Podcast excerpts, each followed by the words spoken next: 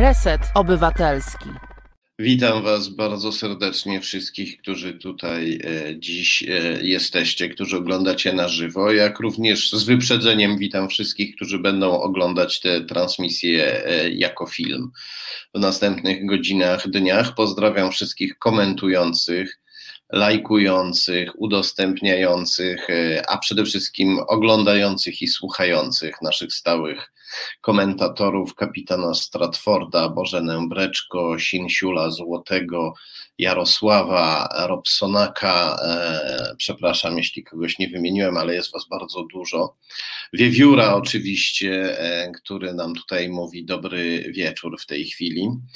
E, witam Was bardzo serdecznie i e, z dobrych wiadomości to e, około 30, no więcej, może nawet 40% książki Rydzyk Nieznany już napisałem. Taką mam dla Was dobrą wiadomość. E, materiały do pozostałych części książki mam już zebrane. Muszę jeszcze odbyć jedną rozmowę, jeśli się uda, z pewnym byłym SB-kiem, jeśli go znajdę, ale to jest sprawa, to nie jest sprawa najważniejsza. Najważniejsze rzeczy, które mają się w tej książce znaleźć, E, już, e, już mam. E, I przy tej okazji przypomnę, że przez cały czas możecie jeszcze mnie wesprzeć, a właściwie wesprzeć stypendium ufundowane przez Was. Stypendium, które otworzyło wydawnictwo Arbitror, które otworzyło zbiórkę na to stypendium stypendium na, e, dla mnie po to, żebym mógł e, na spokojnie pisać tę książkę, nie zajmując się innymi e, sprawami. Na stronie zrzutka.pl łamane przez Z, łamane przez ryzyk nieznany, to wszystko łącznie. Możecie dokonać wpłaty. Możecie też, jeśli ktoś woli prostsze, krótsze adresy, możecie zrobić to samo na stronie zrzutka.pl łamane przez ENHN TK. I tyle, jeśli chodzi o e, ogłoszenia e, parafialne, e, ponieważ czas już nie jest świąteczny, więc może to nie czas na ogłoszenia parafialne, czas jest noworoczny i dlatego jest z nami doktor Agnieszka Bryc, którą bardzo serdecznie pozdrawiam. Doktor Agnieszka Bryc, Uniwersytet Mikołaja Kopernika i Ośrodek Studiów Wschodnich. Czy jest z nami doktor Agnieszka Bryc? Dzień dobry, jestem. Cześć Tomku, jest. dobry wieczór Państwu. Ja tylko uzupełnię, Ośrodek Studiów Wschodnich to jest mm, już chyba trochę odległa przeszłość. Ja nigdy nie pracowałam w ośrodku, ale byłam członkinią Rady mm, Ośrodka Studiów Wschodnich, ale proszę tego nie mylić, dobrze? E, no ale wiesz, e, będziemy też mówić o wschodzie, więc jakoś tak od no. razu to mi przyszło do głowy. Mikołaj Kopernik nam się raczej z, z wschodem nie kojarzy, aczkolwiek na Uniwersytecie Mikołaja Kopernika prowadzisz e, działalność e, i badania dotyczące szerokich połaci kuli ziemskiej. Porozmawiamy o wschodzie i o Bliskim Wschodzie. Może zacznijmy od tego wschodu, który nas e, tutaj w Polsce najbardziej interesuje i niepokoi. Chciałem Cię zapytać, e, co Twoim zdaniem może się wydarzyć w tym roku w Rosji i najbliższych okolicach Rosji? Och, ja muszę powiedzieć, że rok 2021 będzie tym rokiem, e, którym e, był ubiegły rok dla Amerykanów. To znaczy, wszyscy czekali listopadzie na wybory amerykańskie. E, Amerykanie nie interesowali się kompletnie niczym, co się dzieje w świecie, bo byli zaangażowani w proces wyborczy i dokładnie to samo czeka Rosjan, ponieważ jesienią, najprawdopodobniej we wrześniu, zwykle to jest wrzesień, odbędą się mm, wybory do Dumy i naprawdę będzie to, to będzie poważne wyzwanie i dla państwa, i dla opozycji, y, i dla samego prezydenta, ponieważ prezydent Putin wchodzi e, w taki nowy etap swojej polityki, to znaczy swoich rządów, ponieważ latem tego roku on przegłosował, i to oczywiście wszyscy pamiętamy, zmianę do konstytucji rosyjskiej, w, której, e, w których zmianach zapewnił sobie możliwość rządów nawet do 2036 roku. E, I tak też najprawdopodobniej będzie, chyba że się znudzi albo jak pla, jeśli plotki okażą się, jako, jako ekspertka tego mówić, ale to taki jest mm, czynnik, czym, którym żyją Rosjanie od dłuższego czasu, stanem zdrowotnym prezydenta Putina.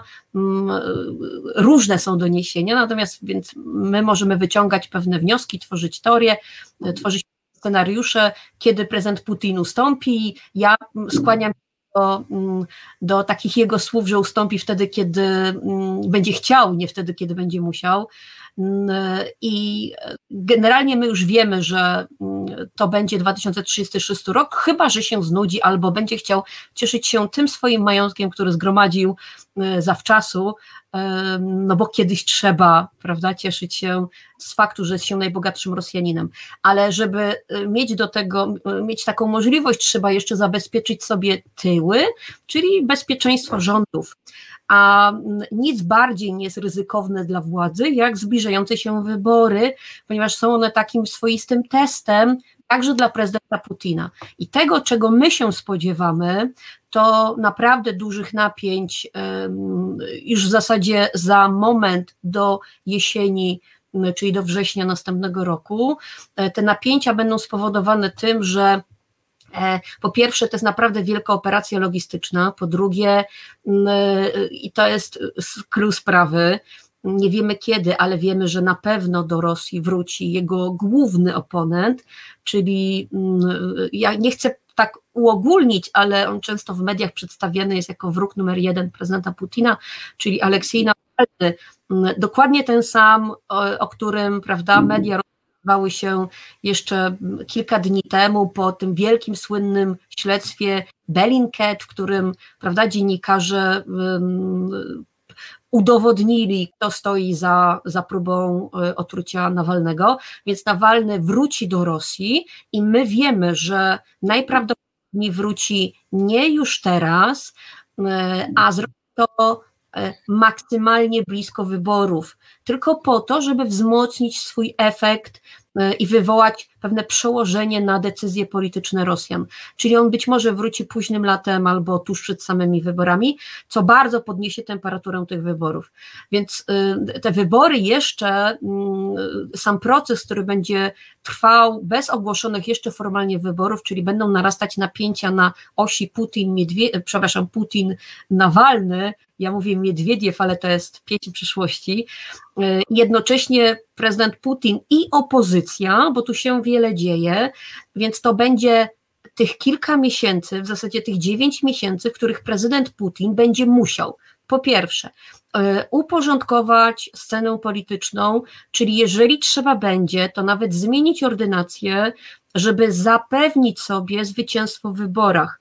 E, może zmienić ordynację, e, bo ma do tego dumę, którą kontroluje, więc im bardziej będzie obawiał się Nawalnego i jego efektu, tym większe prawdopodobieństwo, że zmieni ordynację wyborczą. To jest raz.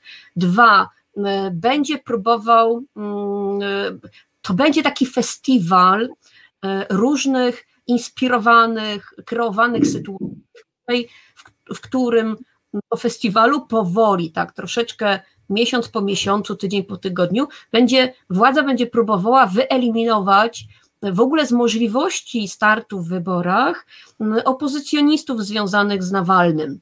To są stare metody, bardzo dobrze znane i tak też będzie. My wiemy, że najprawdopodobniej Nawalny nie będzie mógł wystąpić, bo przecież już raz mu uniemożliwiono start w wyborach prezydenckich.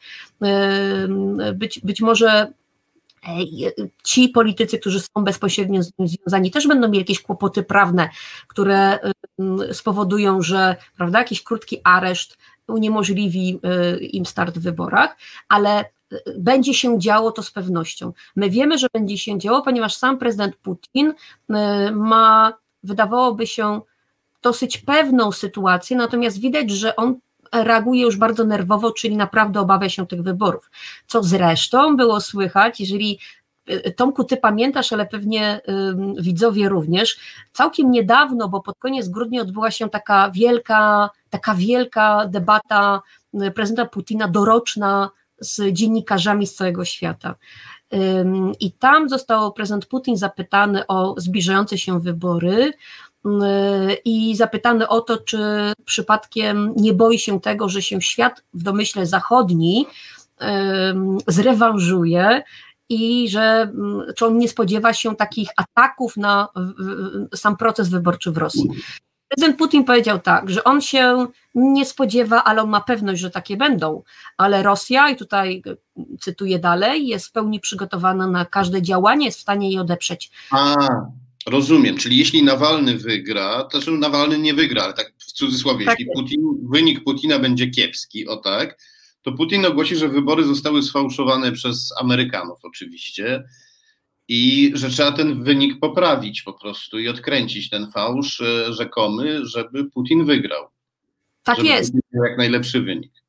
Tak jest. E, ja tu podglądam, któryś e, z widzów zadał pytanie, a czego obawia się Putin? Putin obawia się tego w, w kontekście wyborów, że wygra nie tak nie w tak spektakularny sposób jak zwykle, ponieważ on startując przed każdymi wyborami, on zakłada pewien poziom zwycięstwa, czyli pewną legitymację swoją wyborczą, czyli chce udowodnić, że naród kocha prezydenta Putina, że głosuje na niego w sposób masowy i że to jest ten, prawda, najbardziej oczekiwany i pożądany przywódca rosyjski. I jeżeli my wiemy, że wyczerpał się od 2014 roku tak zwany efekt e, karty krymskiej, prawda, czyli takiego wielkiego poparcia dla prezydenta Putina, który anektując e, Krym, on e, połechtał dumę taką wielkonarodową Rosjan i był tym prezydentem, który od nowa, prawda, znowu jakby odzyskiwał utracone terytoria, bo tak też przedstawiany był Krym jako ten półwysep, który prawnie należy się Rosji, ale przez pomyłkę i tam różne perypetie czasów radzieckich został przyznany Ukrainie. A prezydent Putin był tym, który mm, w, w sposób z jednej strony siłowy, a z drugiej strony polityczny e, ten Krym przyłączył. Natomiast w międzyczasie zdarzyło się tak dużo, że zaufanie do prezydenta Putina bardzo spadło.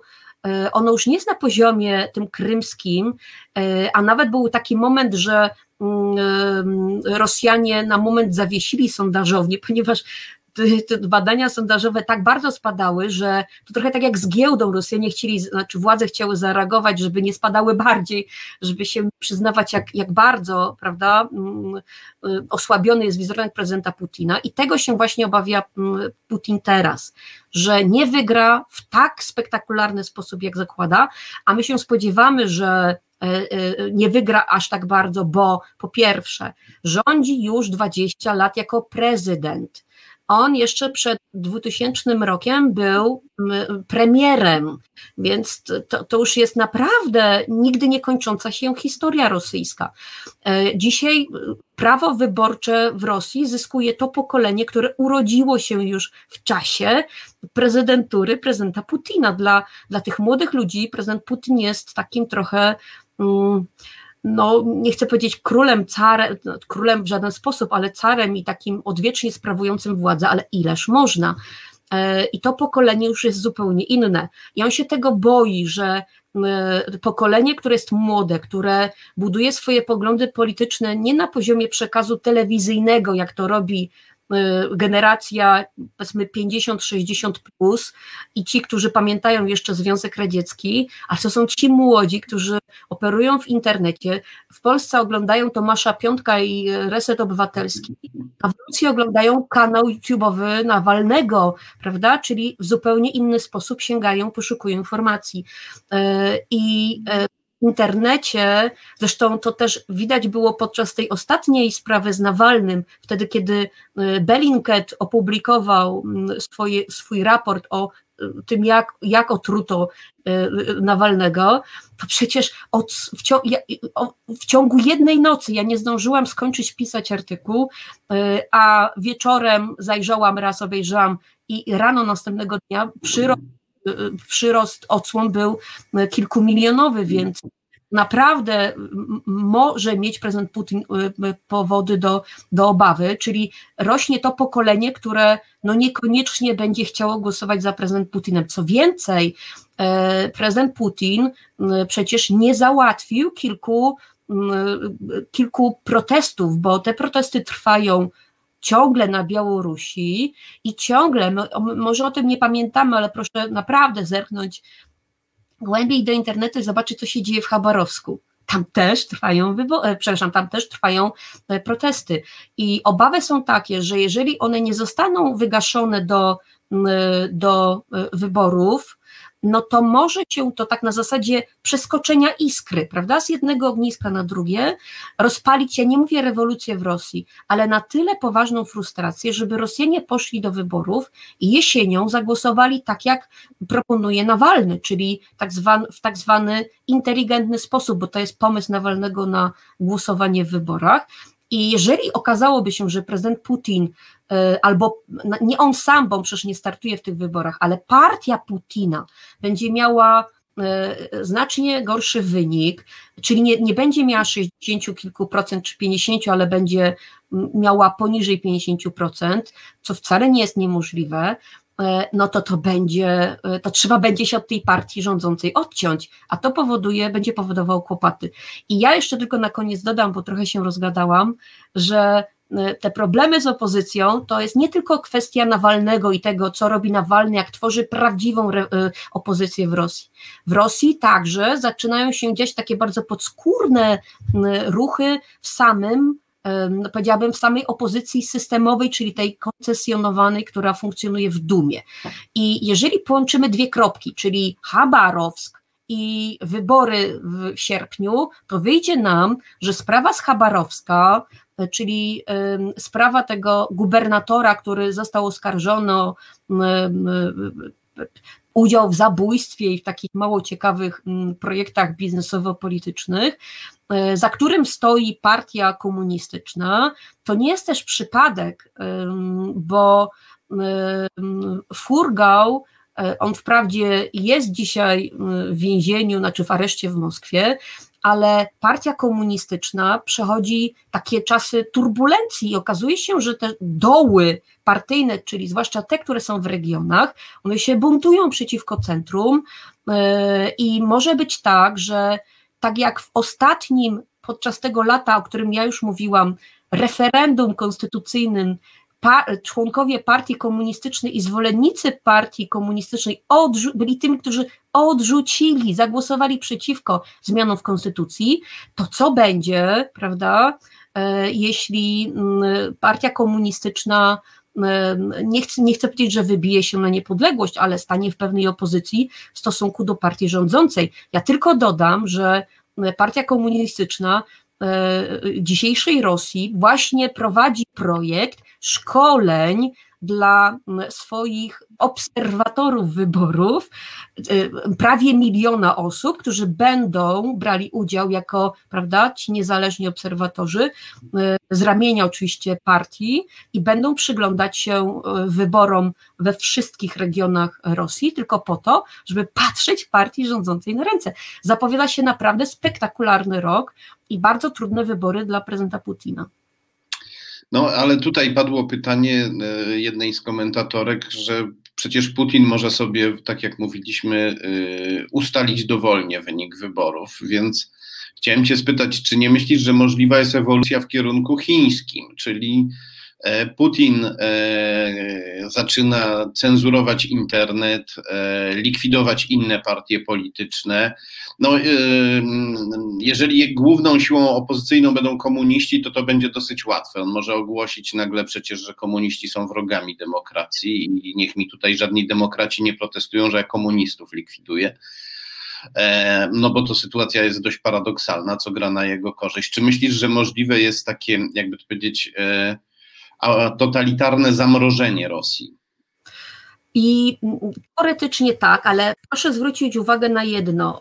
Co się stało po tym, jak kolega prezydenta Putina, taki mało lubiany, bo między nimi chemii nigdy nie było i raczej nie będzie, i raczej to prezydent Putin jest w stanie utopić Łukaszenkę, czyli doprowadzić do jego usunięcia, aniżeli paradoksalnie do pozostania przy władzy, bo być może Łukaszenko będzie musiał ustąpić za moment, to znaczy po nowym roku, ale e, prezydent Putin boi się, boi się, naprawdę boi się kilku, kilku rzeczy. I, i jedną z tych topowych to jest, to są wszystkie rewolucje, prawda? Wszystkie rewolty społeczne. I naprawdę nie bez powodu prezydent Putin wyciągał naprawdę bardzo dramatyczne wnioski po całej serii kolorowych rewolucji na obszarze poradzieckim. Potem druga seria, czyli to była arabska wiosna na Bliskim Wschodzie, i w tym momencie zobaczmy, 2010 rok, czyli równo 10 lat temu rozpoczynała się arabska wiosna na Bliskim Wschodzie, ona trwała do 2012 roku. I w 2011 roku mieliśmy wybory też do Dumy. I one zostały sfałszowane. I co się wtedy wydarzyło? Na plac Błotnych wyszły spektakular, spektakularne ilości Rosjan, nie tylko w Moskwie, ale też w tych dużych miastach. I one protestowały przeciwko sfałszowaniu wyborów, więc ryzyko dla Putina jest takie, że on nie może ich tak bezczelnie i prymitywnie sfałszować, jak to, jak to zrobił Łukaszenko, czyli wypisać sobie wynik 80%, prawda, akceptacji i poparcia dla, dla Putina, bo nikt tego nie kupi. E, I, I, jeżeli to będzie 60 kilka procent, to będzie to wiarygodne. To nie może być 80 i więcej, bo wszyscy będą wiedzieli, że to jest po prostu, to, to będzie ordynarne oszustwo i naprawdę Rosjanie wyjdą na ulicę, bo dorzućmy do tego jeszcze narastającą frustrację z powodu takiego, że trwa pandemia i państwo rosyjskie, to trochę tak jak u nas, ogłasza sukces walki z pandemią, a w rzeczywistości y, jest to zawsze porażka, bo naprawdę Rosjanie mają duże kłopoty. Nawet ta sensacyjna y, szczepionka Sputnik 5, prezydent Putin całkiem niedawno, to dzisiaj chyba czy wczoraj, Dmitrij Pieskow, to jest jego taka prawa ręka, czyli, czyli rzecznik Kremla, oświadczył światu, że prezydent Putin się zaszczepi, tylko jeszcze nie wiemy kiedy. To też jest sygnał taki, że to nawet jeżeli prezydent Putin nie chce się szczepić swoją własną, tak, tą spektakularnie, prawda, spektakularną szczepionką, no to coś to oznacza, coś jest nie tak z tą wielkością państwa rosyjskiego. Co więcej, Rosja, w Rosji spodziewany jest e, resetu, resetu, przepraszam, recesji ciąg dalszy, bo Rosja tkwi od przynajmniej 2014 roku, czyli wtedy, kiedy anektowała Krym i Zachód nałożył na nią sankcje, ona się znajduje w, w, bardzo trudnej sytuacji gospodarczej. I to nie jest tak, że sankcje nie działają, one działają. Oczywiście Rosjanie mówią, że wszystko będzie dobrze i sankcje nie działają, ale jeżeli popatrzymy na liczby, one naprawdę mocno uderzyły w gospodarkę rosyjską, która nie jest w stanie wyjść z recesji. Ona jest albo w recesji, albo w takiej stagnacji.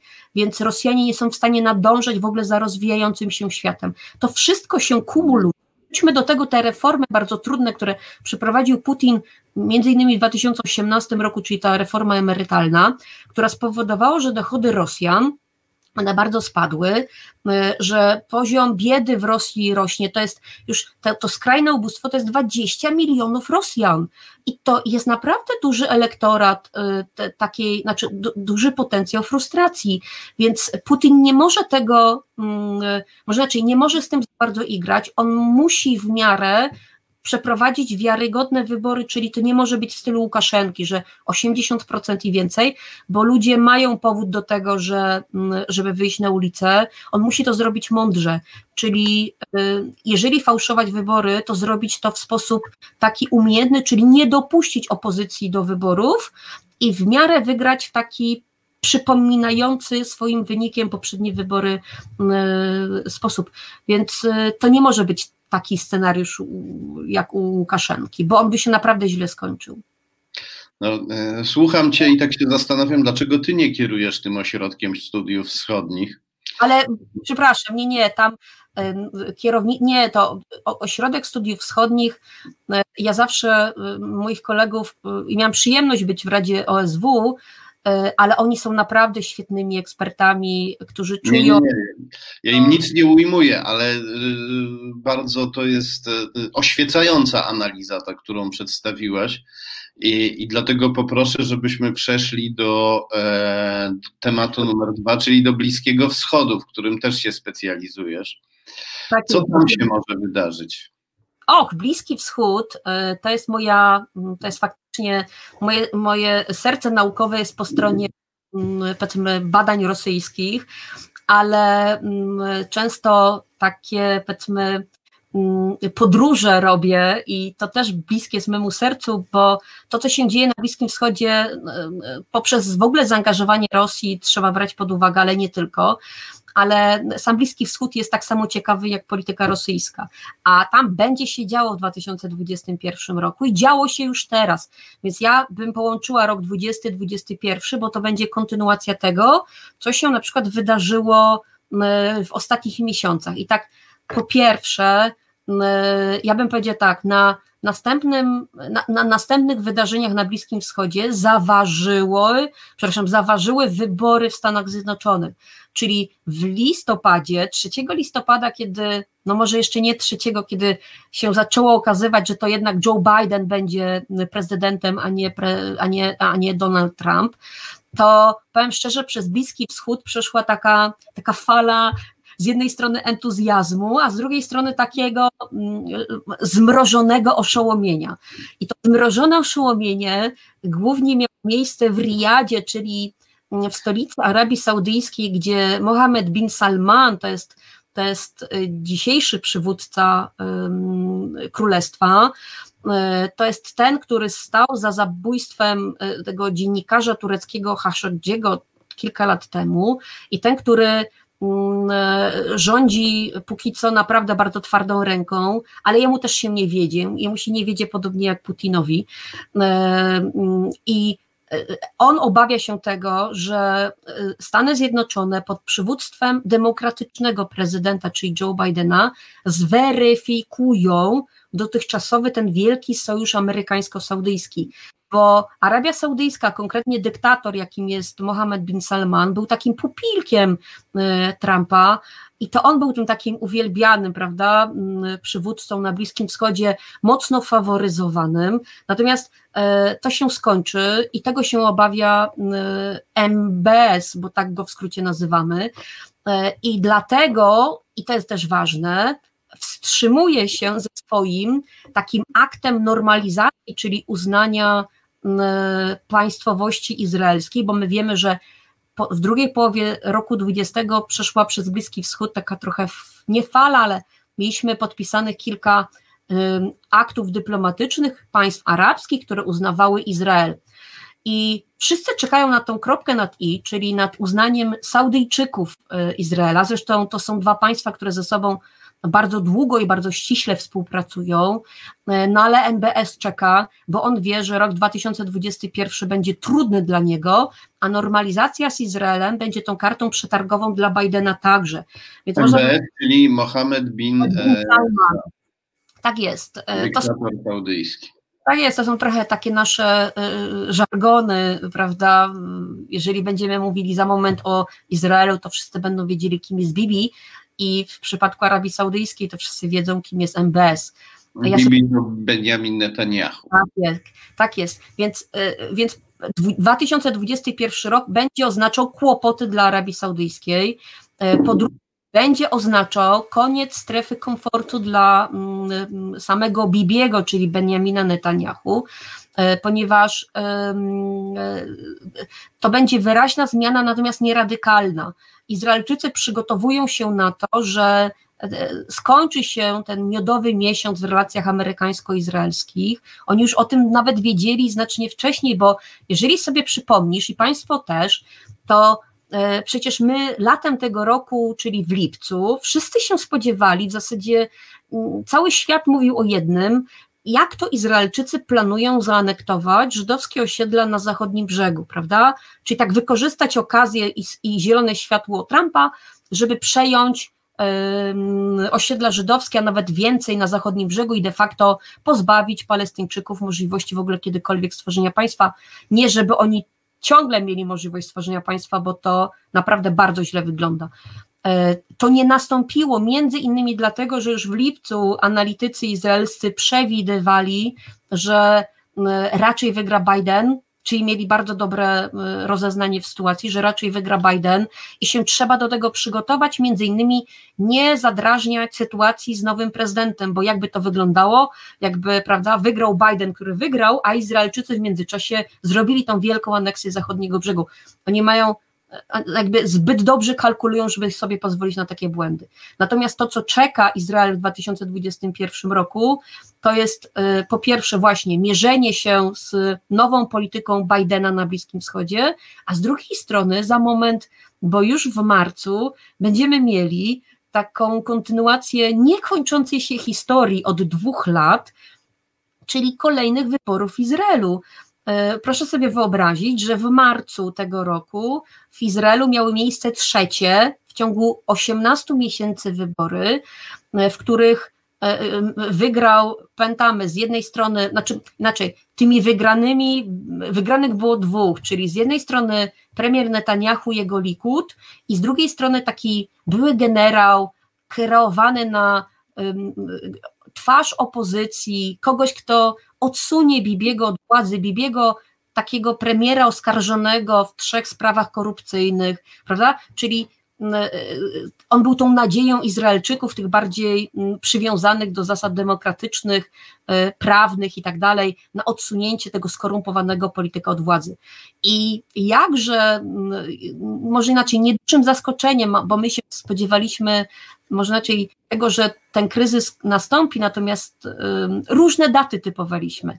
I okazało się, że w grudniu, a w zasadzie kilka dni temu, niecały tydzień temu, bo 23 grudnia, Kneset nie przyjął ustawy budżetowej, a ona była kluczową do tego, żeby w ogóle Kneset mógł funkcjonować. I jeżeli nie przyjęto ustawy budżetowej, bo tam się kilku e, członków Knesetu, zwłaszcza Benny Gansa, czyli tego generała z błękitno-białych się zbuntowało, doprowadzili do... Nie partia nazywa, błękitno-białych. Tak jest, błękitno-białych. To, to jest nawiązanie do flagi izraelskiej i tego, że przywróci się tą taką godną twarz Izraelowi e, niezwiązanego e, z, z Bibi, który jest raczej takim trochę Erdoganem e, izraelskiej sceny no, politycznej. Tak, tak złodziej i nacjonalistyczny bandyta, tak. Ja mogę, jako, jako nie ekspert od spraw dyplomatyczno-międzynarodowych mogę tak powiedzieć. Tak, tak, to jest ten taki polityk już mało akceptowalny przez e, także znaczną część Izraelczyków. I otóż, e, ponieważ oni się nie dogadali, doszło do buntu na pokładzie i efekt jest taki, że 23 marca, e, czyli za trzy miesiące odbędą się w Izraelu czwarte ciągu dwóch lat wybory i ciekawe jest to, jak zmienia się w ogóle, e, jak, jak premier Netanyahu z jednej strony skanibalizował tą wielką gwiazdę, wielką prawda, nadzieję opozycji izraelskiej, czyli to jest trochę tak jak e, prawda, w Polsce pożerane są przystawki przez partię rządzącą. No właśnie, jak, w jaki sposób skanibalizował? A to prosta, znaczy to, to było do przewidzenia. Proszę sobie wyobrazić, że premier Netanyahu jest naprawdę bardzo sprawnym politykiem.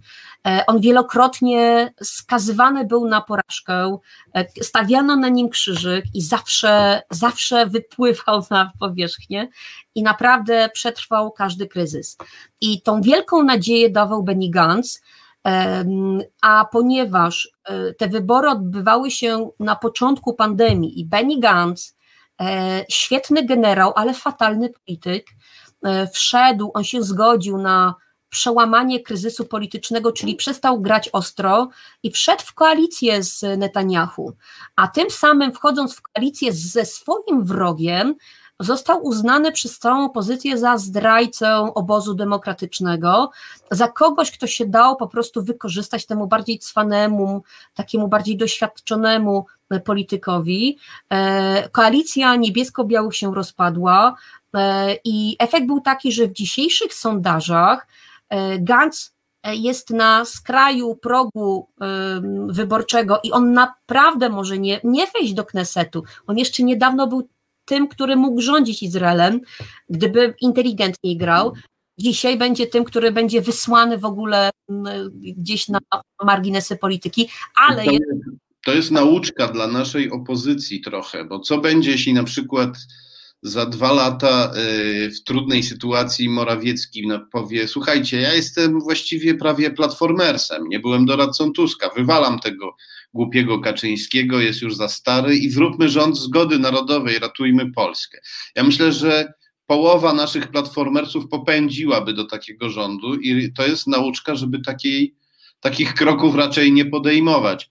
E, tutaj zadam Ci pytanie, jak myślisz, czy jakiś wpływ na taką e, e, zgubną decyzję generała Ganca mogło mieć to, że zarówno on, jak Netanyahu są związani z Rosją. Netanyahu politycznie, a generał Gantz biznesowo przez swoje powiązania z putinowskim oligarchą Wiktorem Wekselbergiem. Mhm. Ja powiem tak, że powiązania e, Rosji z Izraelem są znacznie szersze, ale one e, e, nie odgrywają w Izraelu dramatyczno, dramatycznie istotnej roli, bo my oczywiście moglibyśmy pomyśleć tak, ale co, co, co Bryc opowiada? Przecież w Izraelu jest półtora miliona Żydów rosyjskojęzycznych, oni głosują, to prawda, tylko e, mamy badania e, i mamy to naprawdę już bardzo dobrze zdiagnozowane, że życie rosyjskojęzyczni w swojej całej masie, oni na wszystkie partie polityczne Izraela, czyli oni nie są tą taką jedną zwartą frakcją Żydów rosyjskojęzycznych, którzy są w stanie wypromować jednego polityka. Oni głosują tak samo na Ganca, głosowali na Likud, głosowali na Awigdora Libermana, takiego rosyjskojęzycznego, mołdawskiego, prawda, o pochodzeniu mołdawskim Żyda, który był e, który prowadził e, partię od dawna, Nasz Dom Izrael, wcześniej pupilek e, Netanyahu, e, taki trochę jego asystent i odpowiedzialny za donoszenie w trakcie kampanii wyborczej w latach 90. takich czystych, błękitnych koszul dla Netanyahu, ale później doświadczony trudnym charakterem Bibiego, on także mu się zbuntował i założył swoją własną partię. Potem się panowie przeprosili i współpracowali, ale ostatnio znowu są na noże. Więc można powiedzieć, że Żydzi rosyjskojęzyczni są ważną częścią Rosji, e, przepraszam, izraelskiej sceny politycznej, ale oni są, i tego dowodzą badania, bardziej żydowscy niż rosyjscy. Oni nie mają tej takiej typowej lojalności diaspory, czyli w stosunku do swojej byłej e, ojczyzny. E, oni, e, oni znacznie bardziej kierują się interesem Izraela, a Rosję wręcz uważają za e, państwo takie już powiedzmy odległe, za tą byłą ojczyznę, którą ma, ma, mają oczywiście taką, takie poczucie lojalności raczej kulturowe, bo to jest język, bo to jest, prawda, bo to często są ludzie wywodzący się z elit tłamszonych nieraz, ale tam nie ma miłości do prezydenta Putina. Dla nich tą ojczyzną trudną, ale taką, która dała im szansę w ogóle przetrwania i zrobienia e, z jednej strony też kariery w dosyć trudny sposób, bo oni bardzo boleśnie zaczynali, ale to oni przecież stoją za sukcesem, tym wielkim sukcesem gospodarczym Izraela. E, więc oni są znacznie bardziej dzisiaj wdzięczni Izraelowi niż, niż Putinowi, ale oczywiście nie można wykluczać, że są tam no, oczywiście jakieś siatki agenturalne, ale ja zakładam, że służby Izraela są znacznie lepsze, okay. tak. są lepsze niż FSB, które dało się rozłożyć dziennikarzom wykonującym swoją świetną pracę, czyli prawdziwe dziennikarstwo, które prawda, udowodniło, a wręcz opublikowało prywatne dane agentów, tych, którzy stanowili to komando śledzące i trujące Nawalnego. Więc y, powiedzmy tak, czynnik rosyjski ma w Izraelu mm, jakieś polityczne znaczenie, ale sytuacja jest opanowana. Co więcej, ja bym powiedziała nawet tak, że e, sam premier Netanyahu, my też pamiętamy, rok temu w styczniu odbył się taki wielki event w Jerozolimie, na który nie pojechał prezydent Duda prawda? To, to są te takie, to był ten wielki kongres, mm, taki kongres w, e, taki jakby wspominający, czy, czy, czy zorganizowany z uwagi na rocznicowe e, kwestie holokaustowe,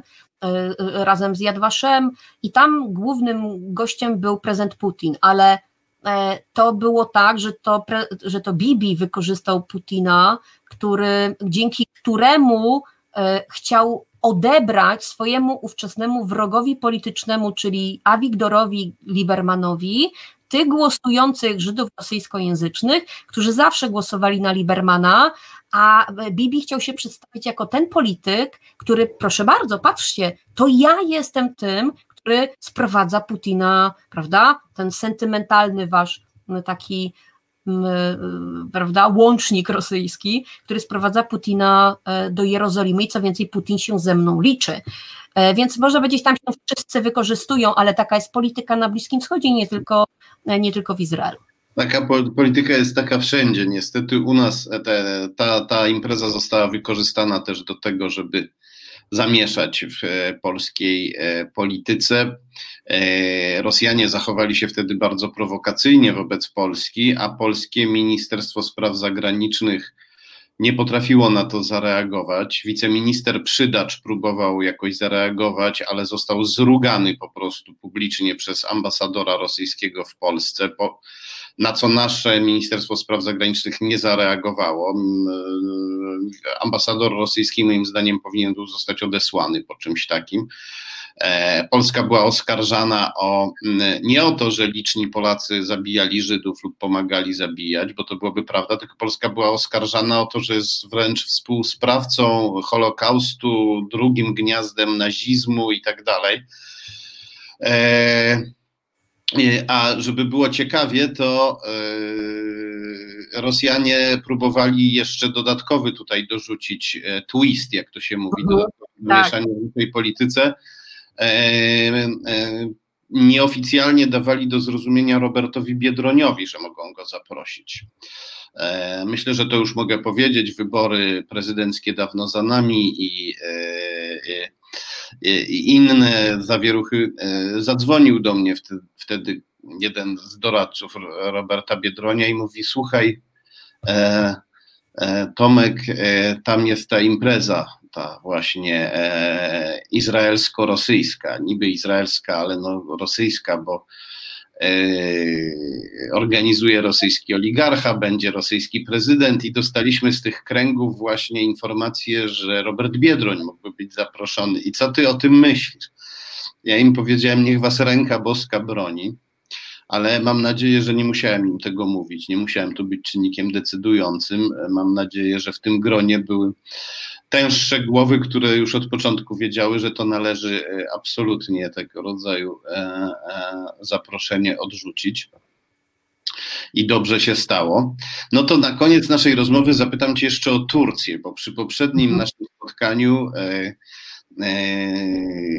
w, nasz, w naszej poprzedniej rozmowie pojawiła się taka myśl, że być może Joe Biden spróbuje obalić albo przynajmniej osłabić dyktaturę i pozycję e, Erdogana w Turcji. E, I chciałem Cię zapytać, czy obserwujesz, jak się ta sytuacja rozwija i czy myślałaś, co może się pod tym względem zdarzyć w 2021 roku?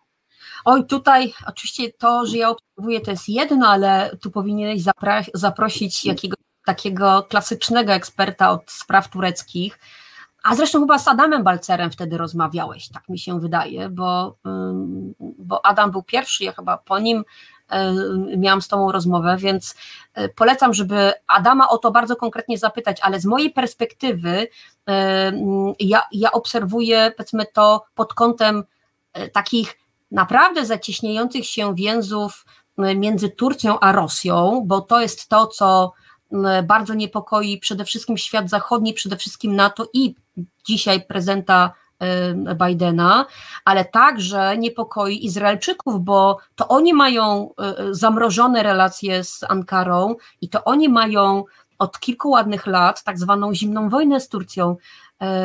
Więc, więc, więc jest, znaczy z Turcją problem polega na tym, że ona wchodzi bardzo ostro na Bliski Wschód. To będzie widać w 2021 roku, ponieważ mamy przecież sprawę syryjską nierozwiązaną, prawda? Za rok 2021 będzie 10 lat, e, jak trwa wojna w Syrii. E, I mamy Kurd, syryjski Kurdystan kontrolowany przez Turcję. To jest jedno. Mamy Tur, czyli tutaj mamy Rosjan i Turków, którzy oficjalnie pozwalają sobie operować w Kurdystanie, ale to jest takie, powiedziałabym, takie trochę jak w takim małżeństwie, w którym nie ma zaufania. Tam między Turcją a Rosją nie ma zaufania. I podobnie jest na takim drugim polu na Bliskim Wschodzie, e, czyli w Libii, gdzie dochodzi, gdzie Turcja popiera e, prezydenta legalnego, a Rosja popiera takiego generała Haftara, który jest pretendentem do władzy. Tam trwa wojna domowa. Turcja i Rosja są po dwóch przeciwnych stronach. I jednocześnie mamy prezydenta Bidena, który zapowiada rozprawienie się z w, tej swojej prezydenturze przede wszystkim z, z, dyktatorami. On powiedział, to jest koniec ery dyktatorów, a do dyktatorów zalicza między innymi Erdogana, zalicza między innymi prezydenta Putina, zalicza prezydenta Chin i nie tylko. Na Bliskim Wschodzie tych dyktatorów jest trochę więcej. E, więc wszyscy w Turcji faktycznie obawiają się tego, że 2021 rok będzie trudnym okresem dla relacji amerykańsko-tureckich. Jeżeli prezydent Biden zacznie konkretnie działać na rzecz wzmacniania świata demokratycznego, to Turcy będą mieli powód do niepokoju, bo to może się skończyć kolejnymi sankcjami, może się skończyć e, taką znacznie bardziej konkretną polityką w ramach NATO, bo dotąd było tak, że Turcja robiła co chciała. Zobaczmy, prawda, Libia, Syria, jeszcze kilka, nie chcę powiedzieć dni temu, ale kilka tygodni temu, przecież to Turcja stała za agresją Azerbejdżanu e, w Nagornym Karabachu, prawda? I świat, nie chcę powiedzieć, że zamilknął, skapitulował. E, Unia Europejska odwróciła wzrok, tylko i wyłącznie z uwagi na swoje własne interesy, czyli bardzo egoistyczne interesy polityczne prezydenta Macrona, który ma dużą diasporę ormiańską u siebie we Francji, to on grzmiał e, na zasadzie Erdogan jest tym, który podpala Kaukaz, ale nic więcej nie robił. Ja bym powiedziała dalej, nic więcej nie robiło NATO. E, okazuje się, że państwo, które jest jednym z kluczowych, wiodących państw w sojuszu, prowadzi sobie lokalną wojenkę albo stoi za lokalną wojenką e, na Kaukazie Południowym. E, I można zakładać, że po zaprzysiężeniu Bidena w styczniu następnego roku prezydent Erdogan może spodziewać się dużych kłopotów, czyli będą narastały napięcia. Ja nie jestem w stanie wskazać, jakie to będą konkretnie przejawy, ale my wiemy, że preteksty mogą być różne, ale wiemy również, że gospodarka turecka, podobnie jak i rosyjska, bo y, to, to nie trzeba być geniuszem, żeby śledzić y, prawda, doniesienia samej Turcji o tym, jak prezydent Erdogan ma duże kłopoty gospodarcze, bo między innymi to one zmotywowały go do tego, żeby stworzyć sukces, czyli E, w obliczu pandemii, w obliczu, prawda, cały czas dużej fali migrantów, w obliczu e, dramatycznej e, sytuacji gospodarczej, on wiedział, że sukces militarny i takie, prawda, ogłoszenie zwycięstwa w cudzej wojnie może poprawić wizerunkowo pozycję Erdogana ale to jest sukces na 2020 rok, to już jest koniec. 2021 Biden i zaczną się kłopoty. I jak zaczną się kłopoty, to może dojść do e, nowych fal protestów w Turcji, które przecież pamiętamy plac Taksim, prawda? Pamiętamy, pamiętamy te wielkie, te, tą wielką falę sprzeciwu od Stambułu po Izmir, i to może być powtórka z rozrywki. E, I między innymi dlatego też wydaje się, że prezydent Erdogan E, nie chcę powiedzieć, że umizguje się, ale to są umizgi obustronne, proszę mi wierzyć. E, próbuje zabezpieczać sobie tyły, bo to, że on zakupił całkiem niedawno takie, taki system anty, taki rakietowy, taką, taką perełkę rosyjską, czyli system S-400, specjaliści wiedzą o co chodzi, który jest systemem rosyjskim, a przecież Turcy mają całą obronę E, kompatybilną z systemem natowskim. To wywołało duży skandal w ogóle w państwach NATO.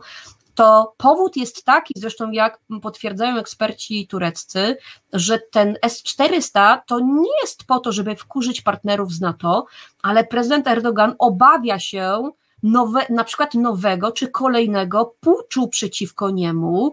I jeżeli, jeżeli system natowski nie będzie mógł być wykorzystany, to w jego obronie, czyli w obronie prezydenta i jego reżimu, będzie można wprost wykorzystać S-400. Więc to można by powiedzieć, że on się przygotowuje na różne scenariusze, od takich ostrych w stylu kolejny pucz, czy kolejna fala wielkich protestów, która może zrzucić go z prezydentury, e, po naprawdę całą masę kłopotów z partnerem zewnętrznym, ale z tym być może sobie poradzi, bo to będzie kwestia ustępstw. Natomiast e, to, co jest dla niego najważniejsze, to zachować urząd i przetrwać drugą czy kolejną falę pandemii i kolejne kłopoty gospodarcze w domu. Specjaliści od wojskowości mogliby tutaj sobie wyobrazić taką sytuację, że e, przeciwnicy Erdogana atakują go przy pomocy sprzętu natowskiego, natomiast e, nie mogą, mogą nie mieć technicznej możliwości użycia sprzętu rosyjskiego, bo nie będą przeszkoleni, nie będą mieli kompatybilnych urządzeń i w związku z tym ten sprzęt, nawet gdyby wpadł w ręce przeciwników Erdogana, będzie dla nich mniej lub bardziej bezużyteczny, natomiast przeszkoleni w Rosji e, wier, najwierniejsi żołnierze Erdogana mogą go używać bardzo skutecznie. Sprzęt, który jest, e, jak się domyślam, wymyślony właśnie po to, żeby e, niszczyć i odpierać sprzęt natowski, prawda, bo Rosja uważa na to za wroga. To zanim jeszcze skończymy, takie zadam Ci pytanie natury ogólnofilozoficznej może. E, czy w obecnej sytuacji, kiedy dyktatorzy e, mają takie możliwości ingerowania w życie społeczeństw demokratycznych, e, za pośrednictwem na przykład internetu, fake newsów, trollingu, prowokacji, sieci wpływu biznesowych itd.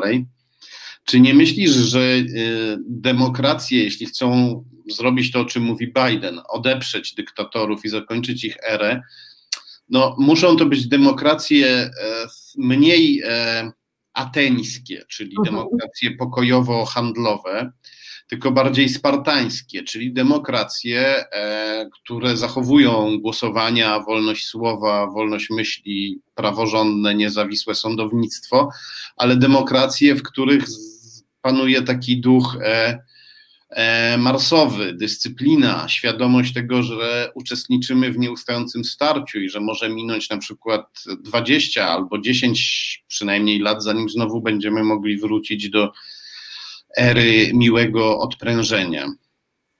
Ale ja bym Atenę i, um, Atenę i Spartę nawet całkiem, wydaje mi się, skutecznie połączyła, bo e, już tak mówiąc bardzo poważnie, to, to starcie świata demokratycznego światem dyktatur i autorytaryzmu ma miejsce nie fizycznie, bo prawda, nie ma tych konfliktów między takich na placu boju, prawda, przy wykorzystaniu klasycznej armii, czy tak zwanych działań kinetycznych, tak to się ostatnio mądrze, prawda, to jest taka nowomowa ekspertów od wojskowości, ale już tak mówiąc bardzo, już, już, już nie, nie będę żartowała, ale ta wojna trwa w sieci i ona jest e, dwuwymiarowa.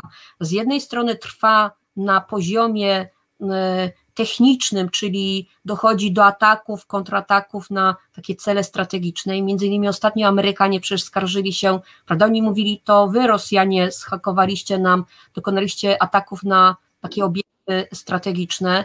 E, co więcej, Rosjanie robią dokładnie samo, mówiąc, że to wy Amerykanie, prawda, doprowadziliście do awarii jakiegoś, e, jakiejś elektrowni czy jakiejś, jakiegoś e, gazociągu, więc to naprawdę ma miejsce. Ale z drugiej strony, tą, tą drugą płaszczyzną wojny między Zachodem demokratycznym a autorytaryzmem, to jest przestrzeń sieciowa, czyli informacji, tak jak powiedziałeś, prawda, mediów, kreowanie opinii. I ja powiem jedno, że przez długi czas przyglądając się temu, co robi Zachód, bo obserwowałam, jak Rosjanie harcują sobie naprawdę w, w, internecie Zachodu i robią co chcą, ale mam coraz bardziej takie nieodparte wrażenie, które napawa mnie optymizmem. Nie chodzi o hura optymizm, ale chodzi o to, że ja zauważam naprawdę wyraźną zmianę po stronie zachodu. Ta wajcha, ona naprawdę przechyliła się już e, do, jakby na, na poziom taki, że to już jest koniec, znaczy przechodzimy od fazy obronnej do fazy działań. I ja to za, do, dostrzegam w konkretnych projektach natowskich, w podejściu NATO do zwalczania zagrożenia zewnętrznego w sferze cyber, nie tylko w stosunku do Rosji, ale także do Chin. Ja to zauważam także w coraz takich naprawdę bardziej skutecznych i konkretnych instrumentach unijnych, o których my często mało mówimy, ale one działają. Ja mam wrażenie, że Zachód, po, i to jest ten, ta kropka na i, która musi być postawiona w 2021 roku. Zachodowi w tym wszystkim brakuje też bardzo konkretnego przywództwa. Nie tak jak prezydent Trump, e, uwielbiającego go dyktatorów, prawda, i pozwalającego im robić co, co tylko chcą, a tym samym psującego demokrację, ale takiego Bidena, który mówi: koniec. Zachód ma być Zachodem, ma być demokratycznym i co więcej takim, który odpiera dyktatorów. Znaczy, my nie możemy tylko mówić o demokracji, my musimy ją fizycznie bronić i jednocześnie wzmacniać. Więc ja naprawdę mam bardzo poważne oczekiwania w stosunku, ale nie chcę się zawieść w stosunku do mm, prezydenta mm, Bidena. Nie mam takich dużych oczekiwań, jak, jakie miałam w stosunku do prezydenta Obamy, bo to nie będzie to samo, ale ja myślę, że jeżeli on jest, a jest bardzo doświadczonym politykiem i to jest pierwsza i najprawdopodobniej ostatnia jego prezydentura, że on będzie chciał przejść do historii, czyli naprawdę zmienić coś, nie tylko w samych Stanach Zjednoczonych, ale także przywrócić blask um, światu demokratycznemu, przynajmniej w, w, w, od, począwszy od 2021 roku. No tu dochodzą jeszcze e, czynniki, które sprawiają, że ja jestem też, e, zaczynam się robić odrobinę bardziej optymistyczny pod tym względem i zaczynam też mieć pewne nadzieje. To znaczy, drugim e, czynnikiem tutaj istotnym jest Kamala Harris, która jest młodsza i bardziej zapewne zdecydowana, przynajmniej takie robi wrażenie, niż Joe Biden, i ona też wie, że w przypadku Obamy wielkim wydarzeniem był, e, e, było jego pochodzenie. To, że e, Afroamerykanin jest, jest prezydentem. W jej przypadku ona już jest pod tym względem numerem dwa. No jest wiceprezydentem, ale mm, szansę na prezydenturę też ma w dalszej przyszłości. Ona wie, że, że, że tu nie wystarczy po prostu samo pochodzenie. E, ważne jest e, i myślę, że e, ona będzie starała się pokazać, że jest kimś, kto ma bardzo konkretne propozycje, jeśli chodzi o politykę, także zagraniczną. A druga rzecz jest taka, to są wiadomości, które znalazłem dzisiaj na CNN i w innych mediach. Otóż Trumpowi rośnie poparcie wśród republikanów cały czas. Republikanie jeszcze niedawno 87% republikanów uważało, że, yy, że Trump jest świetnym e, prezydentem, teraz już 89 i to rośnie. To znaczy, że yy, samo, sama przegrana Trumpa nie wystarczy, żeby rozbroić ten chodzący granat po scenie politycznej. Demokraci prawdopodobnie będą musieli dokończyć to, co prokurator generalny Barr zabronił e, dokończyć specjalnemu prokuratorowi Millerowi. Trump będzie musiał zostać prześwietlony pod kątem swoich związków z Rosją, pod kątem swoich biznesów też trzeba będzie wyjaśnić, jak to było z tymi podatkami. E, były y, y, doradca e, Trumpa, John Bolton, twierdzi, że nawet związki z Chinami trzeba sprawdzić, mimo że Trump odgrywał wielkiego e, przeciwnika Chin. Mam nadzieję, że to się stanie. A jeśli to się stanie i zostanie zrobione dobrze, to Amerykanie sobie uświadomią, że nie można po prostu pozwalać dyktatorom być dyktatorami, bo dyktator ma naturę ekspansywną i nie wystarcza mu rządzenie w swoim kraju, chce mhm. rządzić w krajach, w innych krajach. Bardzo Ci dziękuję za tę e, rozmowę i za cierpliwość bo, i wytrzymałość, bo godzinę już rozmawiamy i mam nadzieję, że niedługo się znowu spotkamy. Bardzo dziękuję. Przyjemność jak zwykle po mojej stronie. Mam nadzieję, że tematów będziemy mieli jak zwykle całą masę, więc e, ten 2021 rok będzie e, pod tym względem ciekawym i da nam naprawdę kilka okazji do skomentowania. Także bardzo dziękuję. Wszystkiego dobrego w nowym roku. Wszystkiego dobrego. A my już za chwilę będziemy rozmawiać o sprawie bardzo ważnej i bardzo aktualnej. Będziemy mówić o nowej fali fake newsów, fali fake newsów nowego rodzaju wymierzonych w strajk kobiet. Sprawa jest bolesna, ale sprawa jest trudna, ale trzeba o niej koniecznie porozmawiać i prześwietlić, na czym polegają te fake newsy i skąd się wzięły.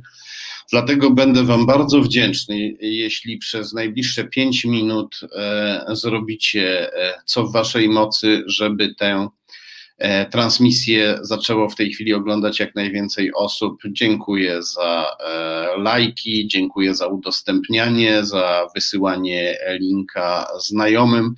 My wrócimy za E, e, za 5 minut. E, wrócę za 5 minut i będziemy rozmawiać o tej sprawie, o nowej fali fake newsów wymierzonych w strajk kobiet, ale żeby przygotować się na to i żeby zmetabolizować mentalnie treści, które, z których słuchaliśmy przez ostatnią godzinę, posłuchamy sobie teraz przez 5 minut E, muzyki, którą zaserwuje nam nasza wspaniała realizatorka Asia Tor. Serdecznie ją pozdrawiam. Reset Obywatelski. Medium, które tworzysz razem z nami. Komentuj, pisz i wspieraj. Słuchasz Resetu Obywatelskiego.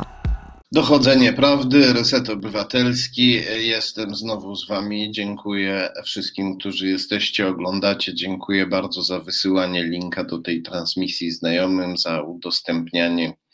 Będziemy teraz mówić o rzeczach ważnych. Jak wiadomo, e, strajk kobiet e, już w 2016 roku e, przeorał Polskę. W tym roku przeorał ją po raz drugi dwukrotnie zablokował e, projekt całkowitego zakazu aborcji. Owocem, straku, e, owocem strajku kobiet były też, był też projekt i są wszelkie projekty, które się te pojawiają po 2016 roku, zmierzające do tego, żeby w Polsce aborcja była bardziej dopuszczalna, żeby była legalna do, do trzeciego miesiąca ciąży żeby w Polsce prawodawstwo dopuszczało aborcję i dawało prawo wyboru e, kobiecie, tak jak w cywilizowanych krajach. E, e, walka o to się odbywa i w Sejmie, i w mediach, i w internecie, i w świadomości ludzi. To są rzeczy, których dokonał strajk kobiet, i temu trudno jest, trudno jest przeczyć. E, mamy w tej chwili kontrofensywę, kolejną próbę kontrofensywy fundamentalistów e, wspieranych przez e, Kreml i mających, należących do sieci ultraprawicowej międzynarodówki, tak to trzeba nazwać, czyli mamy kontrofensywę prowadzoną przez Ordo, Ordo Juris, które chwali się tym, że mimo epidemii nie bacząc na związane z tym zagrożenia, zebrało ponad 150 tysięcy podpisów pod e, projektem e, inicjatywy ustawodawczej, pod, e, którą sobie pięknie Ordo Juris nazwało Tak dla rodziny, nie dla gender. To kolejny pomysł na to, jak doprowadzić do tego, żeby w Polsce nie obowiązywała na przykład konwencja genewska o przeciwdziałaniu przemocy w rodzinie. I w tej sytuacji powinniśmy być wszyscy mm, jeszcze bardziej solidarni ze strajkiem kobiet.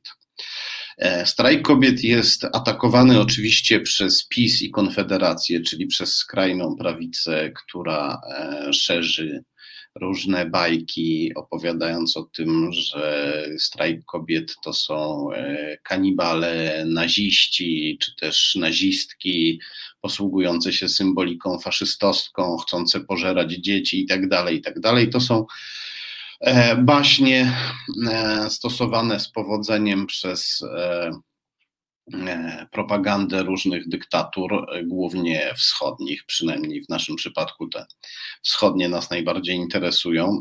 Niestety PiS, e, wyborcy PiS w dużej mierze tę propagandę kupują, ponieważ żyjemy w czasach, w których media społeczno, mediom społecznościowym udało się rozmyć granice między prawdą a nieprawdą, ale dotyczy to nie tylko wyborców PiS. Niestety po naszej stronie też sporo osób jest podatnych na dezinformację. Krytykują też strajk kobiet nieco oględniej mm, i może w sposób mniej jadowity, ale krytykują, czy też takie mm, stosują powiedzmy krytyczne, dobre rady e, różni e, przedstawiciele e, poprzedniego establishmentu, nazwijmy go liberalnym. Ten establishment mówi, no dobrze, ale oprócz radykalnych postulatów i radykalnych haseł, to strajk kobiet powinien też jakieś rzeczy praktyczne zaproponować, które można by e, e, zastosować w obecnej sytuacji, kiedy to nie da się przepchnąć przez Sejm w tej chwili e, ustawy legalizującej aborcję do trzeciego miesiąca ciąży. I nie wiem, czy intencje tutaj tych krytyków są czyste, ale to jest akurat taka krytyka, której warto posłuchać, a zresztą być może wcale nawet nie trzeba jej słuchać, bo znam niektóre z liderek strajku kobiet i wiem, że są to osoby praktyczne i mocno stojące na ziemi. I e, odpowiadając na tę krytykę, choć może niekoniecznie się nią inspirując, strajk kobiet podejmuje pracę i e, tworzy też różne projekty e, które można spokojnie wdrażać w czasie obecnym. Bez, e, mm, I w tym celu powołano też Radę Konsultacyjną przy strajku kobiet, i na stronie Lumio, która służy do takich debat konsultacyjno-deliberatywnych, to się ładnie e, nazywa, nazywa Strajk Kobiet, otworzył debatę na temat e, projektów, które można w tej chwili e, przeprowadzić.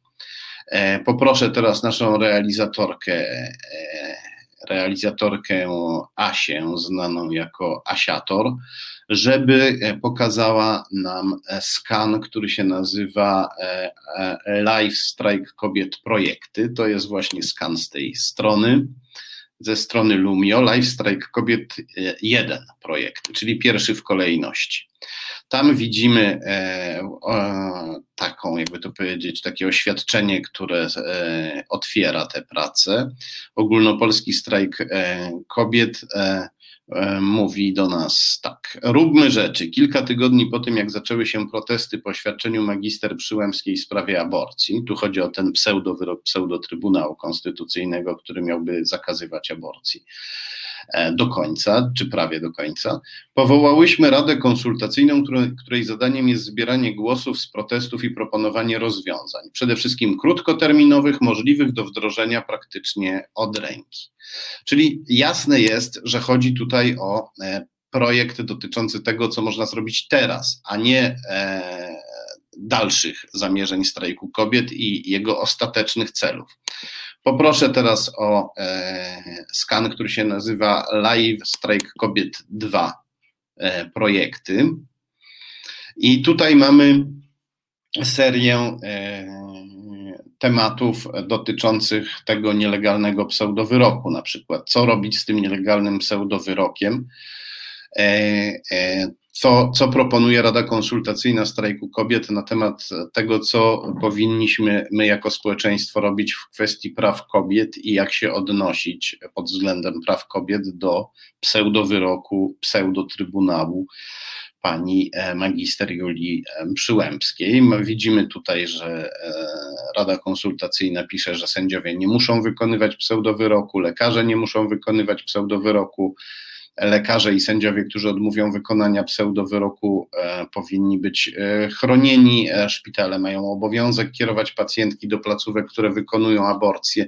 Czyli to tutaj mówimy o tym, co musimy robić w obecnej sytuacji, kiedy prawa kobiet i konstytucja jest, jest gwałcona, jak mamy odpierać tę ostatnią pisowską próbę pogwałcenia praw kobiet. Poproszę o następny skan, który się nazywa Live Strike Kobiet numer 3. Tutaj czytamy o konwencji stambulskiej właśnie, której powinniśmy bronić, czytamy o parlamentarnym zespole do spraw opieki okołoporodowej, o tym, że jak największa liczba parlamentarzystek powinna wejść do tego zespołu i przejąć nad nim kontrolę, przegłosowując e, wybór nowego zarządu, albo też o możliwości stworzenia alternatywnego zespołu. Czytamy o czymś, co jest bardzo ważne dla wielu kobiet, czyli o pomocy w otrzymywaniu alimentów. To jest jakby odpowiedź na. To jest odpowiedź różnym krytykom, którzy mówili, że strajk kobiet nie zajmuje się sprawami, które dotyczą większości biednych, zwykłych kobiet i tak dalej. No to jest nieprawda. Najwyraźniej, jak widać, się, e, e, się zajmuje. Poza tym to nie jest tak, że e, biedne kobiety w mniejszych miejscowościach na przykład e, interesują się tylko alimentami, a prawem do aborcji to już nie. Widzieliśmy, że jest inaczej.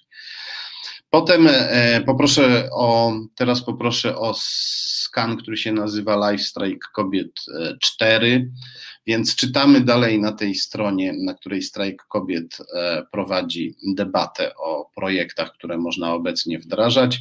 Czytamy o tym, że należy walczyć o dymisję eduk ministra edukacji narodowej, że należy blokować represje wobec uczennic, studentek i nauczycieli, e, zapewnić równy dostęp do edukacji zdalnej dla wszystkich dzieci w warunkach pandemii, trzeba zapewnić bezpieczeństwo nauczycielkom, trzeba zapewnić e, zasiłek opiekuńczy dla rodziców dzieci do 11 roku życia. Potem, jak pójdziemy dalej, poproszę o następny skan, który się nazywa Live Strike Kobiet 5. E, dalej e, czytamy o pracy, o tym, że strajk kobiet, Rada Konsultacyjna Strajku Kobiet postuluje e, walkę ze śmieciówkami, z darmowymi i półdarmowymi stażami, ochronę matek pokrzywdzonych ustawą covidową, zatrzymanie dyskryminacji kobiet na rynku pracy, no i bardzo ważna rzecz, obowiązek jawności płac. Coś takiego jest w Norwegii, gdzie w każdej firmie jest tabliczka, e, na której są, e, jest napisane, kto ile w firmie zarabia, i to jest bardzo dobra rzecz, bo to przyczynia się przede wszystkim do tego, że ten, kto ciężko e, pracuje, no, ma większą siłę, żeby walczyć o odpowiednie zarobki. Zarobki E, odpowiednie i sprawiedliwe względem ciężkiej pracy. E, to też pomaga e, kobietom walczyć z dyskryminacją, bo kiedy się pojawia taka tablica wywieszona w firmie, to od razu wiadomo, kto dostaje mniej i niestety często się okazuje, że są to kobiety, ale wtedy przynajmniej można z tym, można z tym walczyć. I ostatni temat poproszę o skan, który się e, nazywa e, Live Strike Kobiet 6 projekty. Ostatni temat, e, może nie ostatni, przedostatni temat poruszony na tej stronie, na stronie lumio.org, gdzie Strajk Kobiet rozpoczął debatę na temat konkretnych projektów, które można wdrażać już teraz. Jest, jest tam temat zatytułowany Świeckie Państwo, gdzie czytamy o akcji odjanie Pawlania przestrzeni publicznych, o narodowej apostazji, o świeckiej szkole. I jest jeszcze e, temat, kolejnym tematem jest, są kwestie klimatyczne, czyli jakby poruszone zostały e, bardzo ważne sprawy, e, sprawy, w których możemy coś zrobić już teraz. Nigdzie na tej stronie nie przeczytamy, że e, strajk kobiet zrezygnował z postulatu e, dopuszczalności aborcji dla każdej kobiety, która e, czuje potrzebę dokonania tego zabiegu do trzeciego miesiąca ciąży. Nigdzie nic takiego nie zostało napisane. E, nigdzie nie zostało napisane, że e, strajk kobiet przestaje rezygnować o, e, o świecką szko- z walki o, świec- o świecką szkołę. Nigdzie nie zostało napisane, że strajk kobiet przestaje rezygnować z walki o świecką szkołę. Nawet ostrzej zostało napisane i mocniej, skoro mowa o narodowej apostazji. I to wszystko, kiedy się tylko wejdzie na tę stronę, to jest właściwie e, jasne dla każdego, kto sobie na stronie lumio.org e, odnajdzie tę debatę i przeczyta sobie, e, o jakie projekty tam chodzi i o czym w ogóle jest mowa. Tymczasem w internecie e, zaczęły krążyć e, fejki, mm, zaczęły krążyć fejkowe wiadomości, fejkowe materiały, fejkowe memy o tym, jakoby strajk kobiet zrezygnował z walki o aborcję na życzenie. I tutaj pokazuję pierwszy z takich fejkowych memów. Poproszę o skan, który się nazywa Live Strajk Kobiet 7.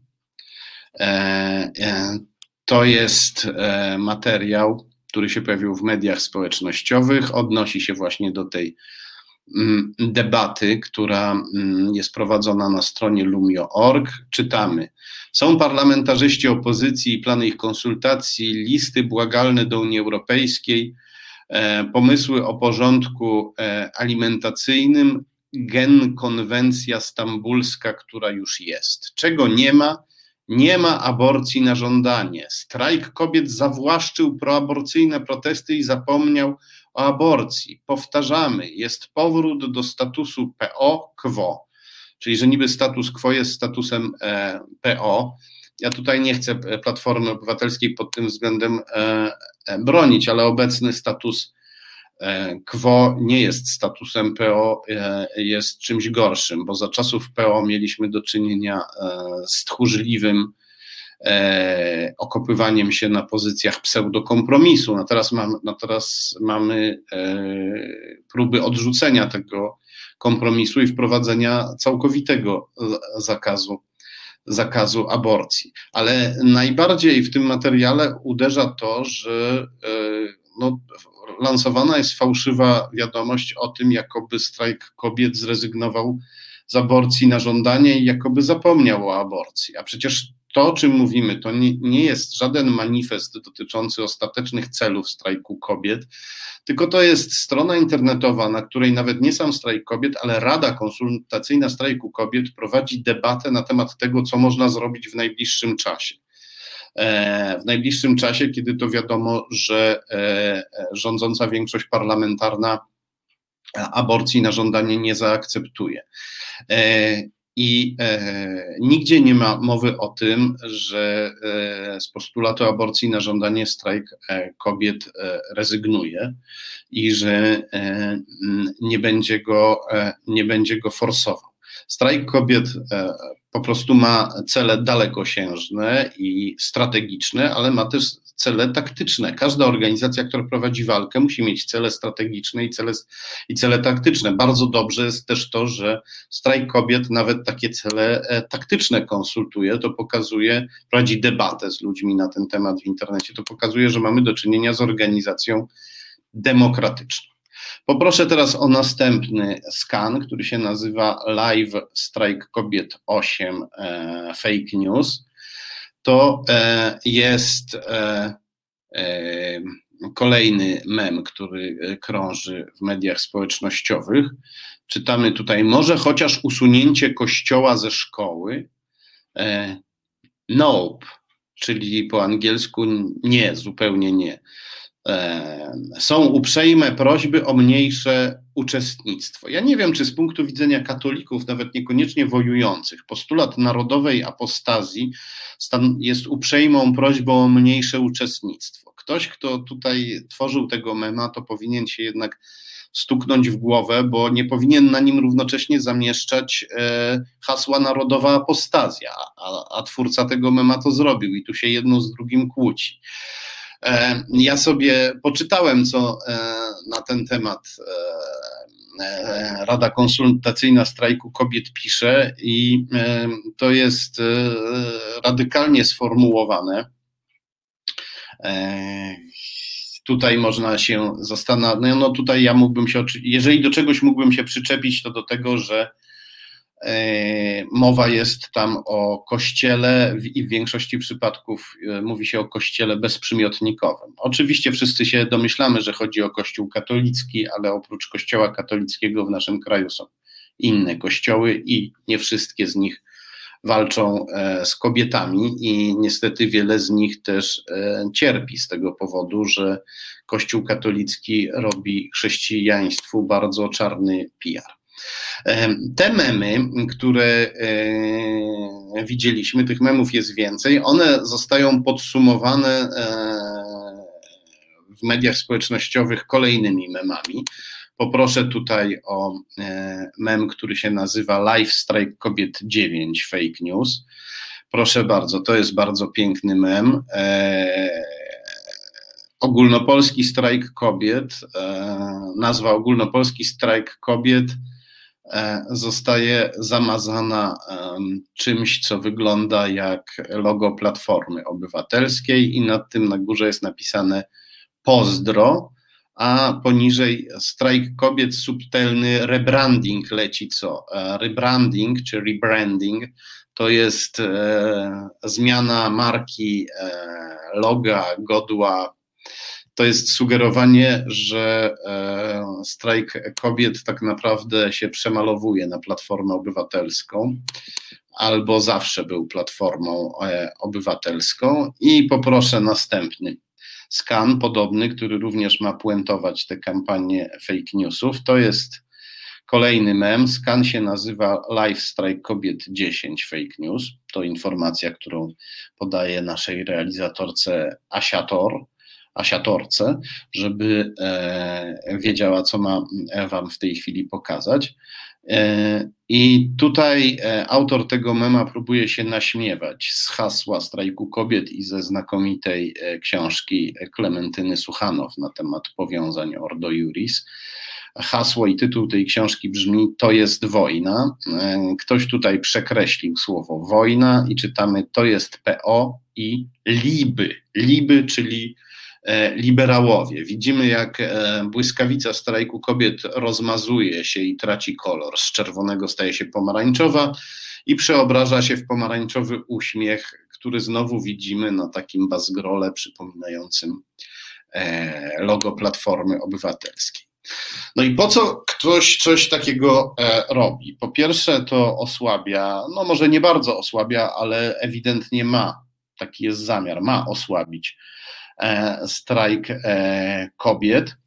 E, po drugie, mamy do czynienia z ewidentną nieprawdą, bo nigdzie strajk kobiet nie wycofał się ze strategicznego postulatu aborcji na żądanie. To, że sformułował inne postulaty taktyczne na tę chwilę, to znaczy tylko, że mamy do czynienia z organizacją dojrzałą, która prowadzi wielopłaszczyznową politykę. Więc mamy do czynienia z oczywistą nieprawdą. I kiedy się zastanawiamy, czemu to służy, e, to z pomocą może nam przyjść pisowska reżimowa TVP, portal TVP Info należący do e, rządowej telewizji e, TVP. Błyskawicznie zaraz po tym, jak te memy się pojawiły, zamieścił artykuł i tu poproszę o e, kolejny e, skan, który się nazywa Live Strike Kobiet 11 TVP. To jest skan ze strony portalu TVP Info, gdzie pojawił się artykuł zatytułowany Organizacja Lempart rezygnuje z aborcji na żądanie. Niejednoznaczna postawa feministek. Strajk kobiet zrezygnował z postulatu aborcji na żądanie napisała na Twitterze Hanna Zagulska, związana z krytyką polityczną, lewicowa aktywistka, która niedawno chwaliła się aborcją.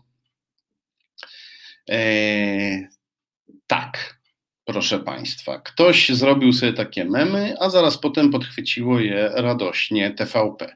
Więc możemy powiedzieć sobie, że już wiemy, e, komu to służy. Służy to na pewno TVP i PiSowi. E, ale czy tylko TVP i PiSowi? Zwróciłem tutaj uwagę na to, że już w lidzie tego artykułu, czyli w tej części podtytułowej, pojawiła się Hanna e, Zagulska, która jak widać podchwyciła e, kłamstwa szerzone przez te e, memy, które mogliśmy sobie przed chwilą obejrzeć. Zwróciłem uwagę na Hannę Zagulską, ponieważ mm, jej działalność nie jest mi, nie jest mi obca. Byłem e, w Poznaniu jakiś czas temu, gdzie Hanna Zagulska organizowała protesty w e, obronie e, niezawisłości sądownictwa. I tam miejscowi działacze w Poznaniu, mm, niektórzy z nich znaleźli się w Sejmie, niektórzy są związani z organizacjami opozycji ulicznej.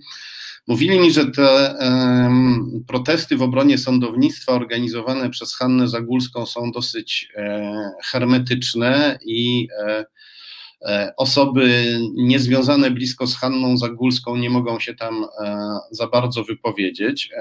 Przetestowałem to e, na sobie, ponieważ przyszedłem na taki protest i powiedziałem, że też chcę powiedzieć parę słów i dowiedziałem się, że no tak, tak, ale będę na końcu na końcu kolejki i że mogę się nie doczekać, bo protest będzie trwał bardzo długo, e, być może nawet trzy godziny. No dobrze, powiedziałem, poczekam.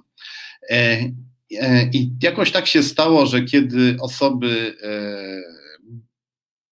które od samego początku stały na podium, skończyły przemawiać, to Hanna Zagórska bardzo szybko zakończyła protest, nie dopuszczając innych, innych mówców, a były tam osoby, które chciały dojść do głosu i które były znane w Poznaniu i nawet w Polsce.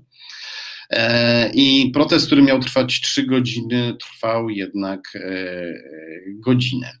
Zastanawiałem się, o co tu chodzi. Czy e, tylko o to, że mają przemawiać koledzy Hanny Zagórskiej, czy może jeszcze dodatkowo Hanna Zagórska zareagowała jakoś szczególnie alergicznie na moją osobę, ponieważ tak się składa, że Hanna Zagórska jest e, bywała, bywała, tak to nazwijmy, bo może nie było to jakieś bardzo intensywne, ale bywała lansowana przez portal e, Strike.eu. Poproszę tutaj o skan, który się nazywa Live Strike Kobiet 12 Zagórska Strike.eu.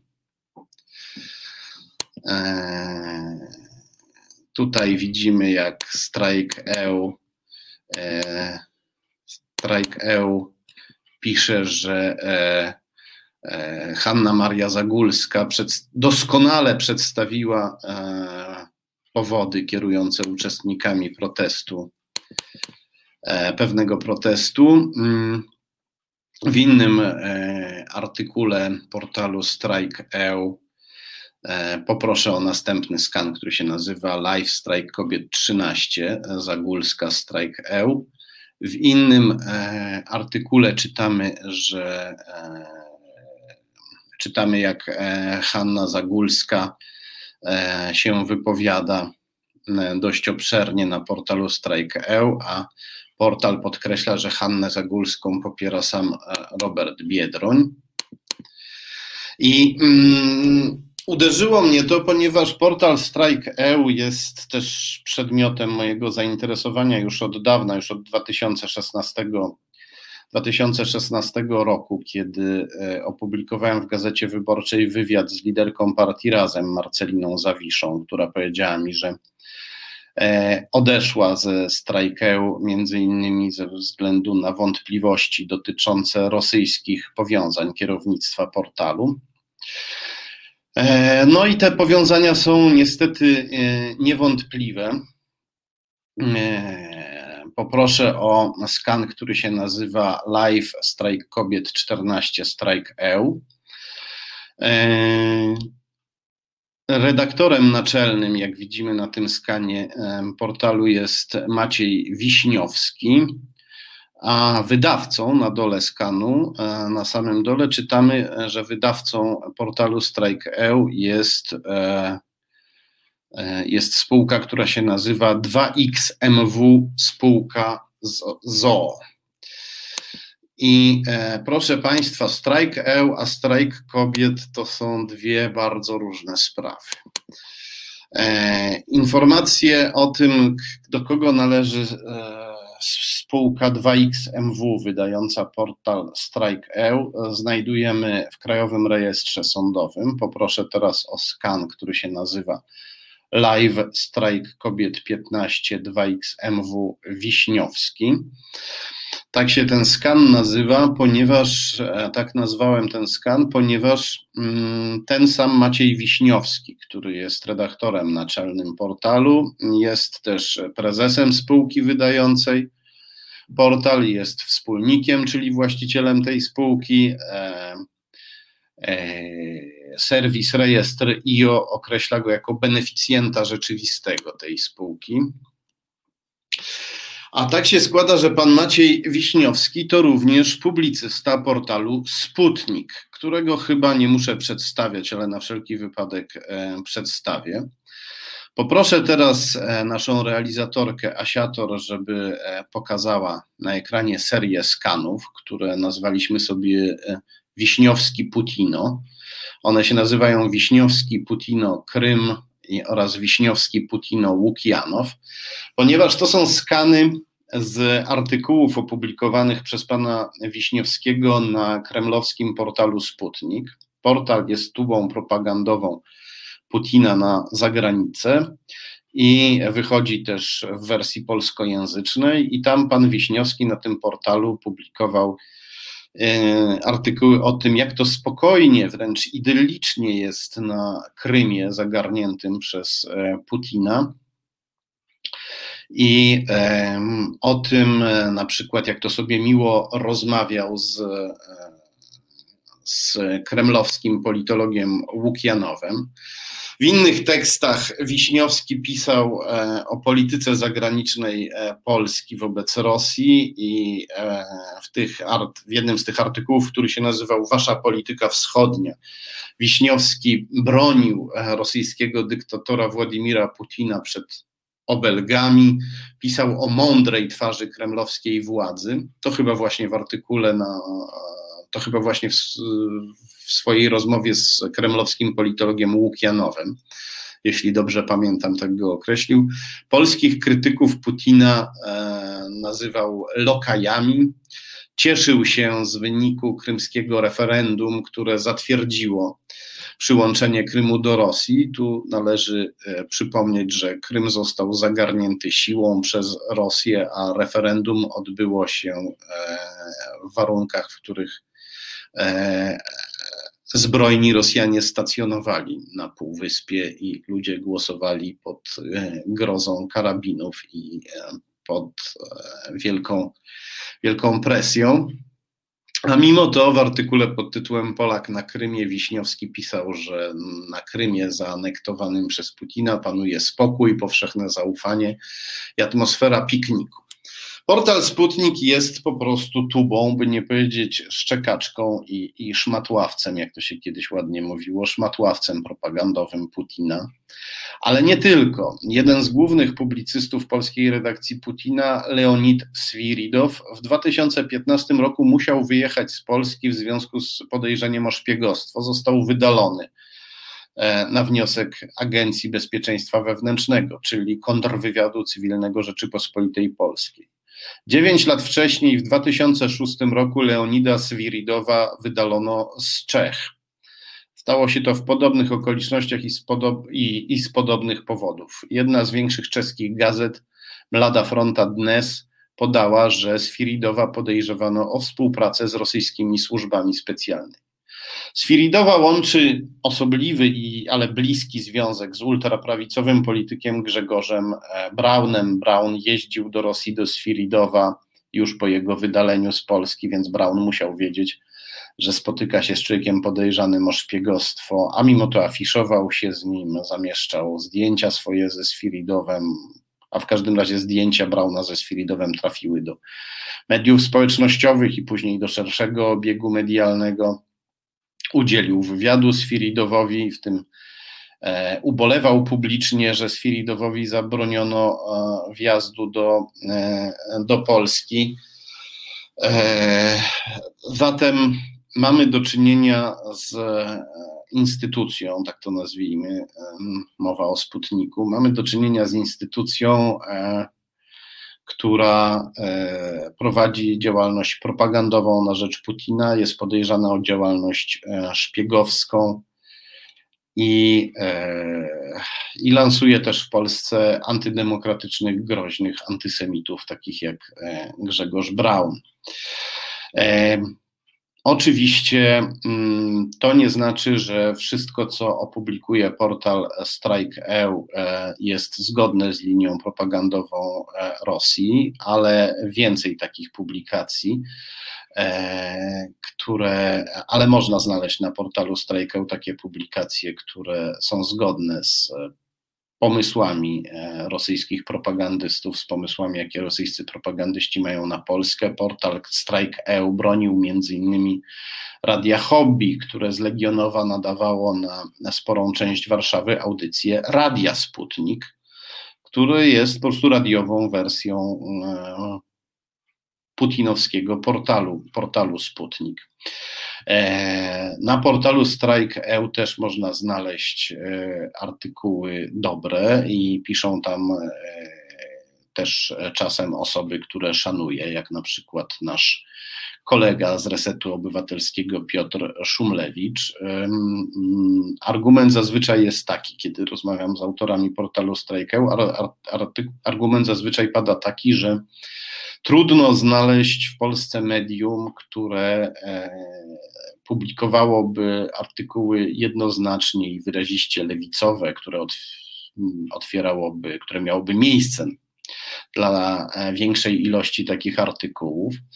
E, może to i prawda, ale to bardzo smutne. Powinniśmy mieć takie media lewicowe, których nie musielibyśmy podejrzewać o o, o związki z wrogami e, Polski. I to smutne, jeżeli e, ludzie nie mogą sobie znaleźć, ludzie o poglądach lewicowych nie mogą, zdecydowanie lewicowych, nie mogą sobie znaleźć innego e, miejsca, żeby publikować. Moim zdaniem powinni się powstrzymać, no ale to są ich decyzje.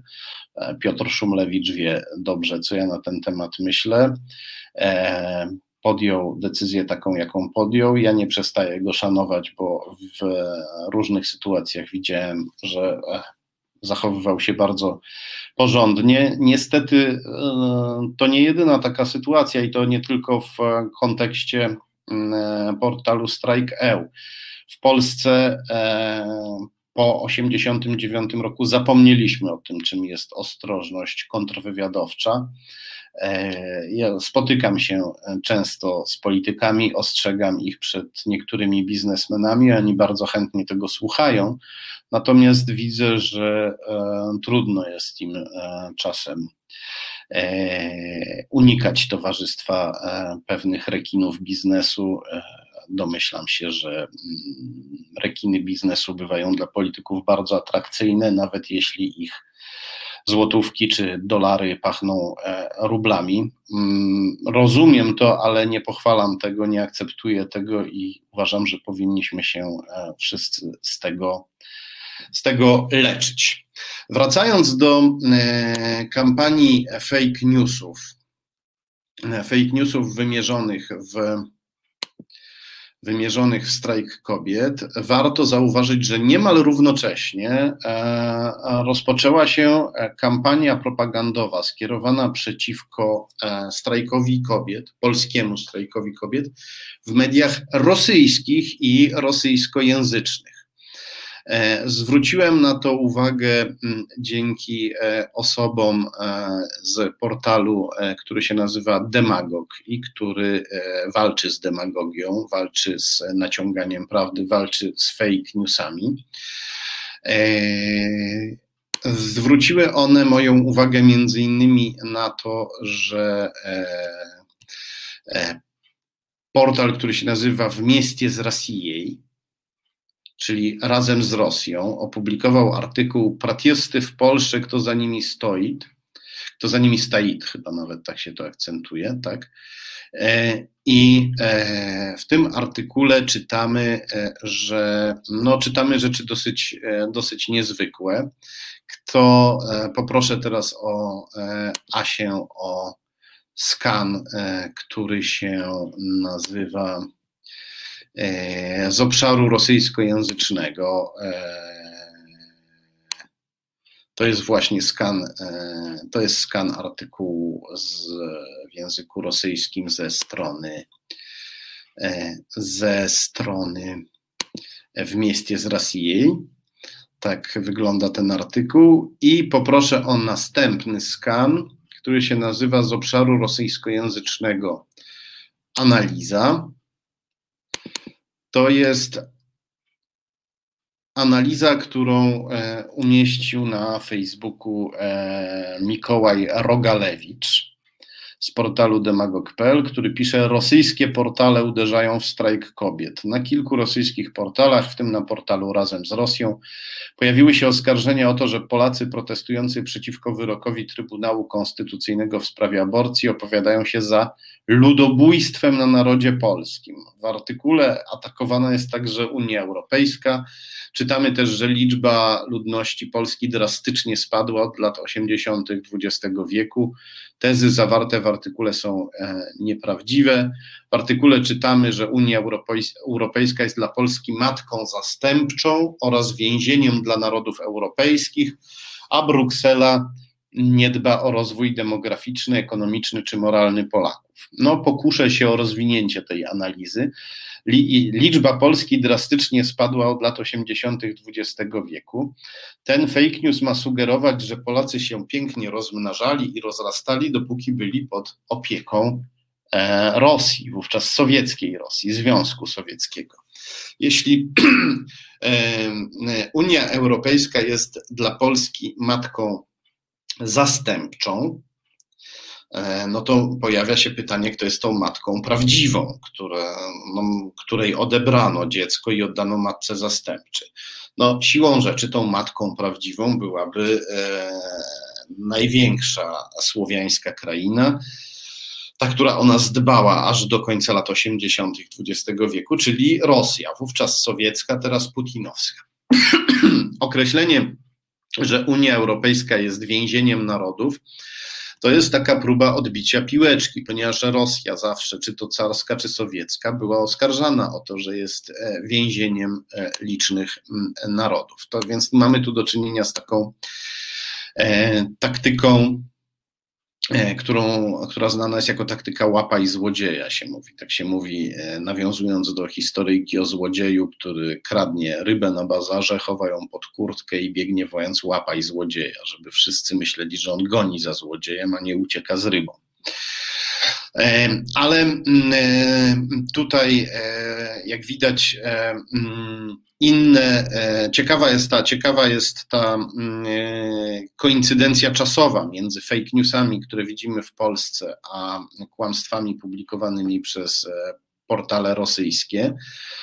Być może mamy do czynienia z jakąś koordynacją, ale widzimy, że polskie fake newsy zostały sformułowane inaczej i tu mamy do czynienia z trochę innymi technikami i taktykami bo e, o ile e, jesteśmy przyzwyczajeni do krytyki strajku kobiet z pozycji prawicowych, czy to łagodnie prawicowych, czy też e, ultraprawicowych, to memy, które dzisiaj przedstawiliśmy, wyglądają jak krytyka z pozycji ultralewicowych, tak, ultralewicowych, że mogących wyglądać wręcz sekciarsko.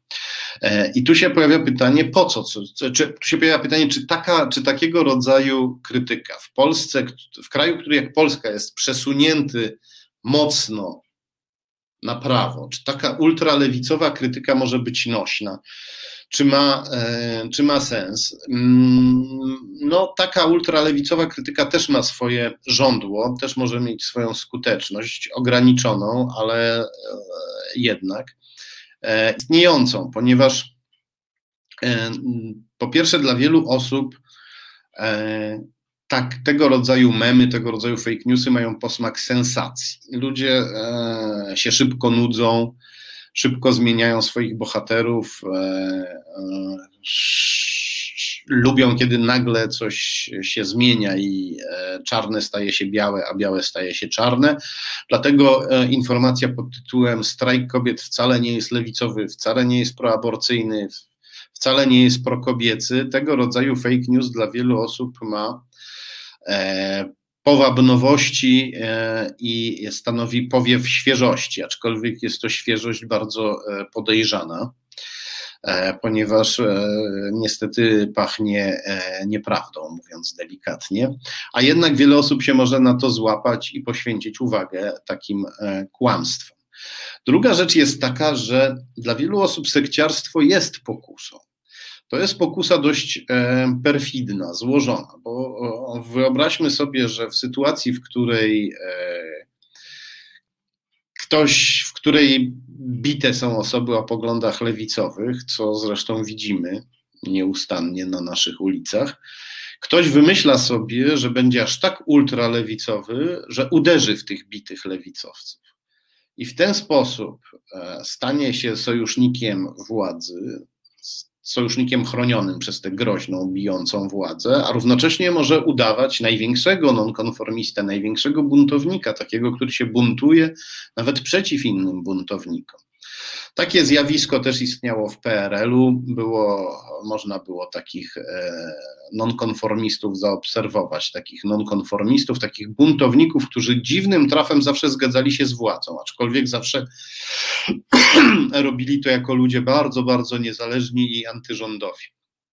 E, I e, obawiam się, że mm, takie zjawiska będziemy teraz e, znowu obserwować, takie zjawiska, które pamiętam jeszcze e, z PRL-u, kiedy to jako bardzo młody, ale już dość świadomy człowiek e, czytywałem prasę i oglądałem i oglądałem telewizję.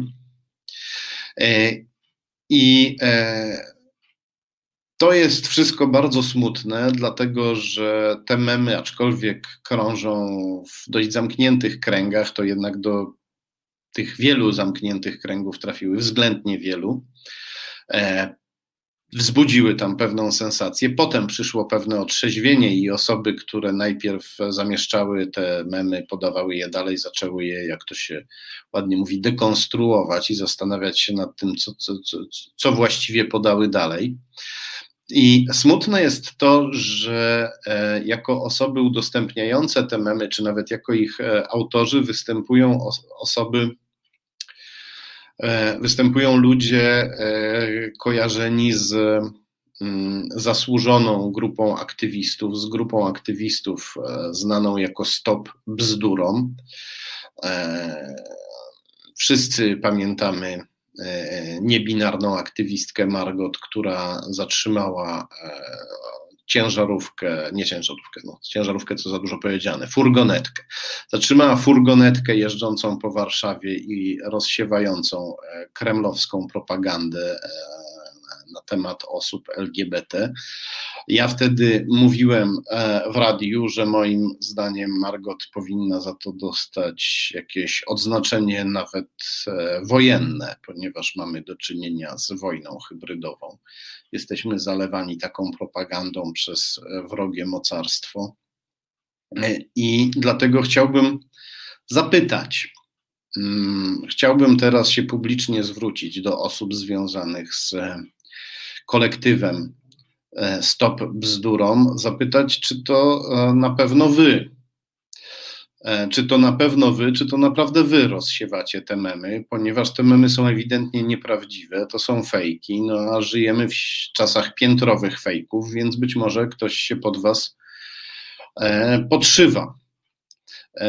Jeżeli to nie wy, to chciałbym, żebyście poinformowali wszystkich głośno, że to nie wy, a jeżeli to wy, to chciałbym, żebyście zdementowali te kłamstwa i wyjaśnili, dlaczego w ogóle je e, rozpowszechniacie.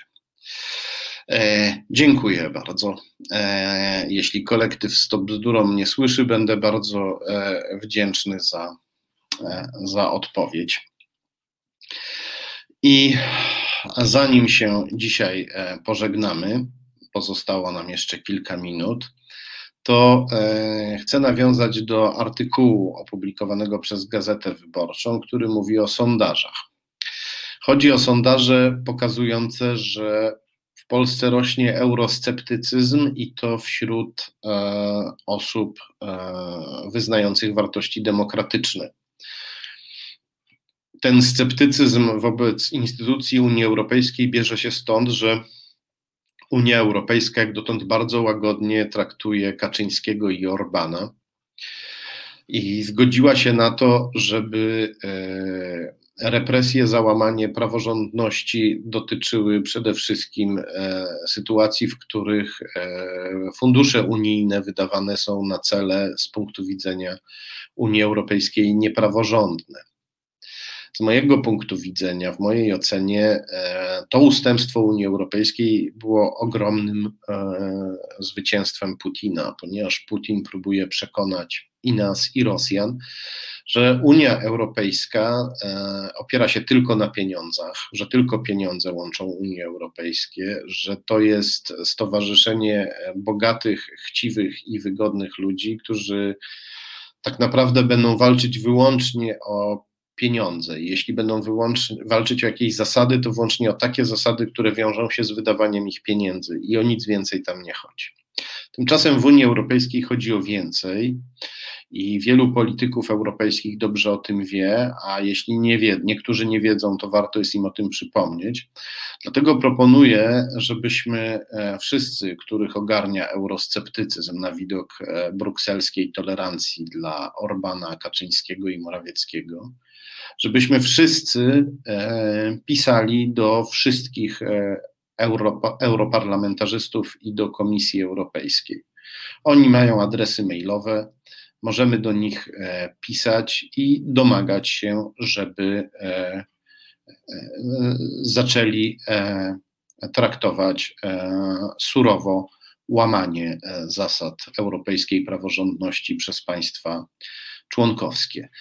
Oczywiście to nie znaczy, że w ten sposób załatwimy sprawę, bo to nie jest tak, że Bruksela nam, nas uwolni od Jarosława Kaczyńskiego i od jego ludzi, my musimy się od nich e, uwolnić e, sami, musimy być aktywni, ale dobrym, e, dobrą formą aktywności jest też działanie na forum naszej drugiej ojczyzny, ojczyzny europejskiej, dlatego zachęcam do pisania takich listów. Oczywiście zostaniemy oskarżeni o to, że jesteśmy donosicielami, którzy skarżą się obcym na swoją własną ojczyznę, ale my nie jesteśmy donosicielami, nie skarżymy się obcym, bo Bruksela to nie są e, obcy, jesteśmy jedną rodziną i chcemy, żeby obie nasze ojczyzny harmonijnie współpracowały e, ze sobą.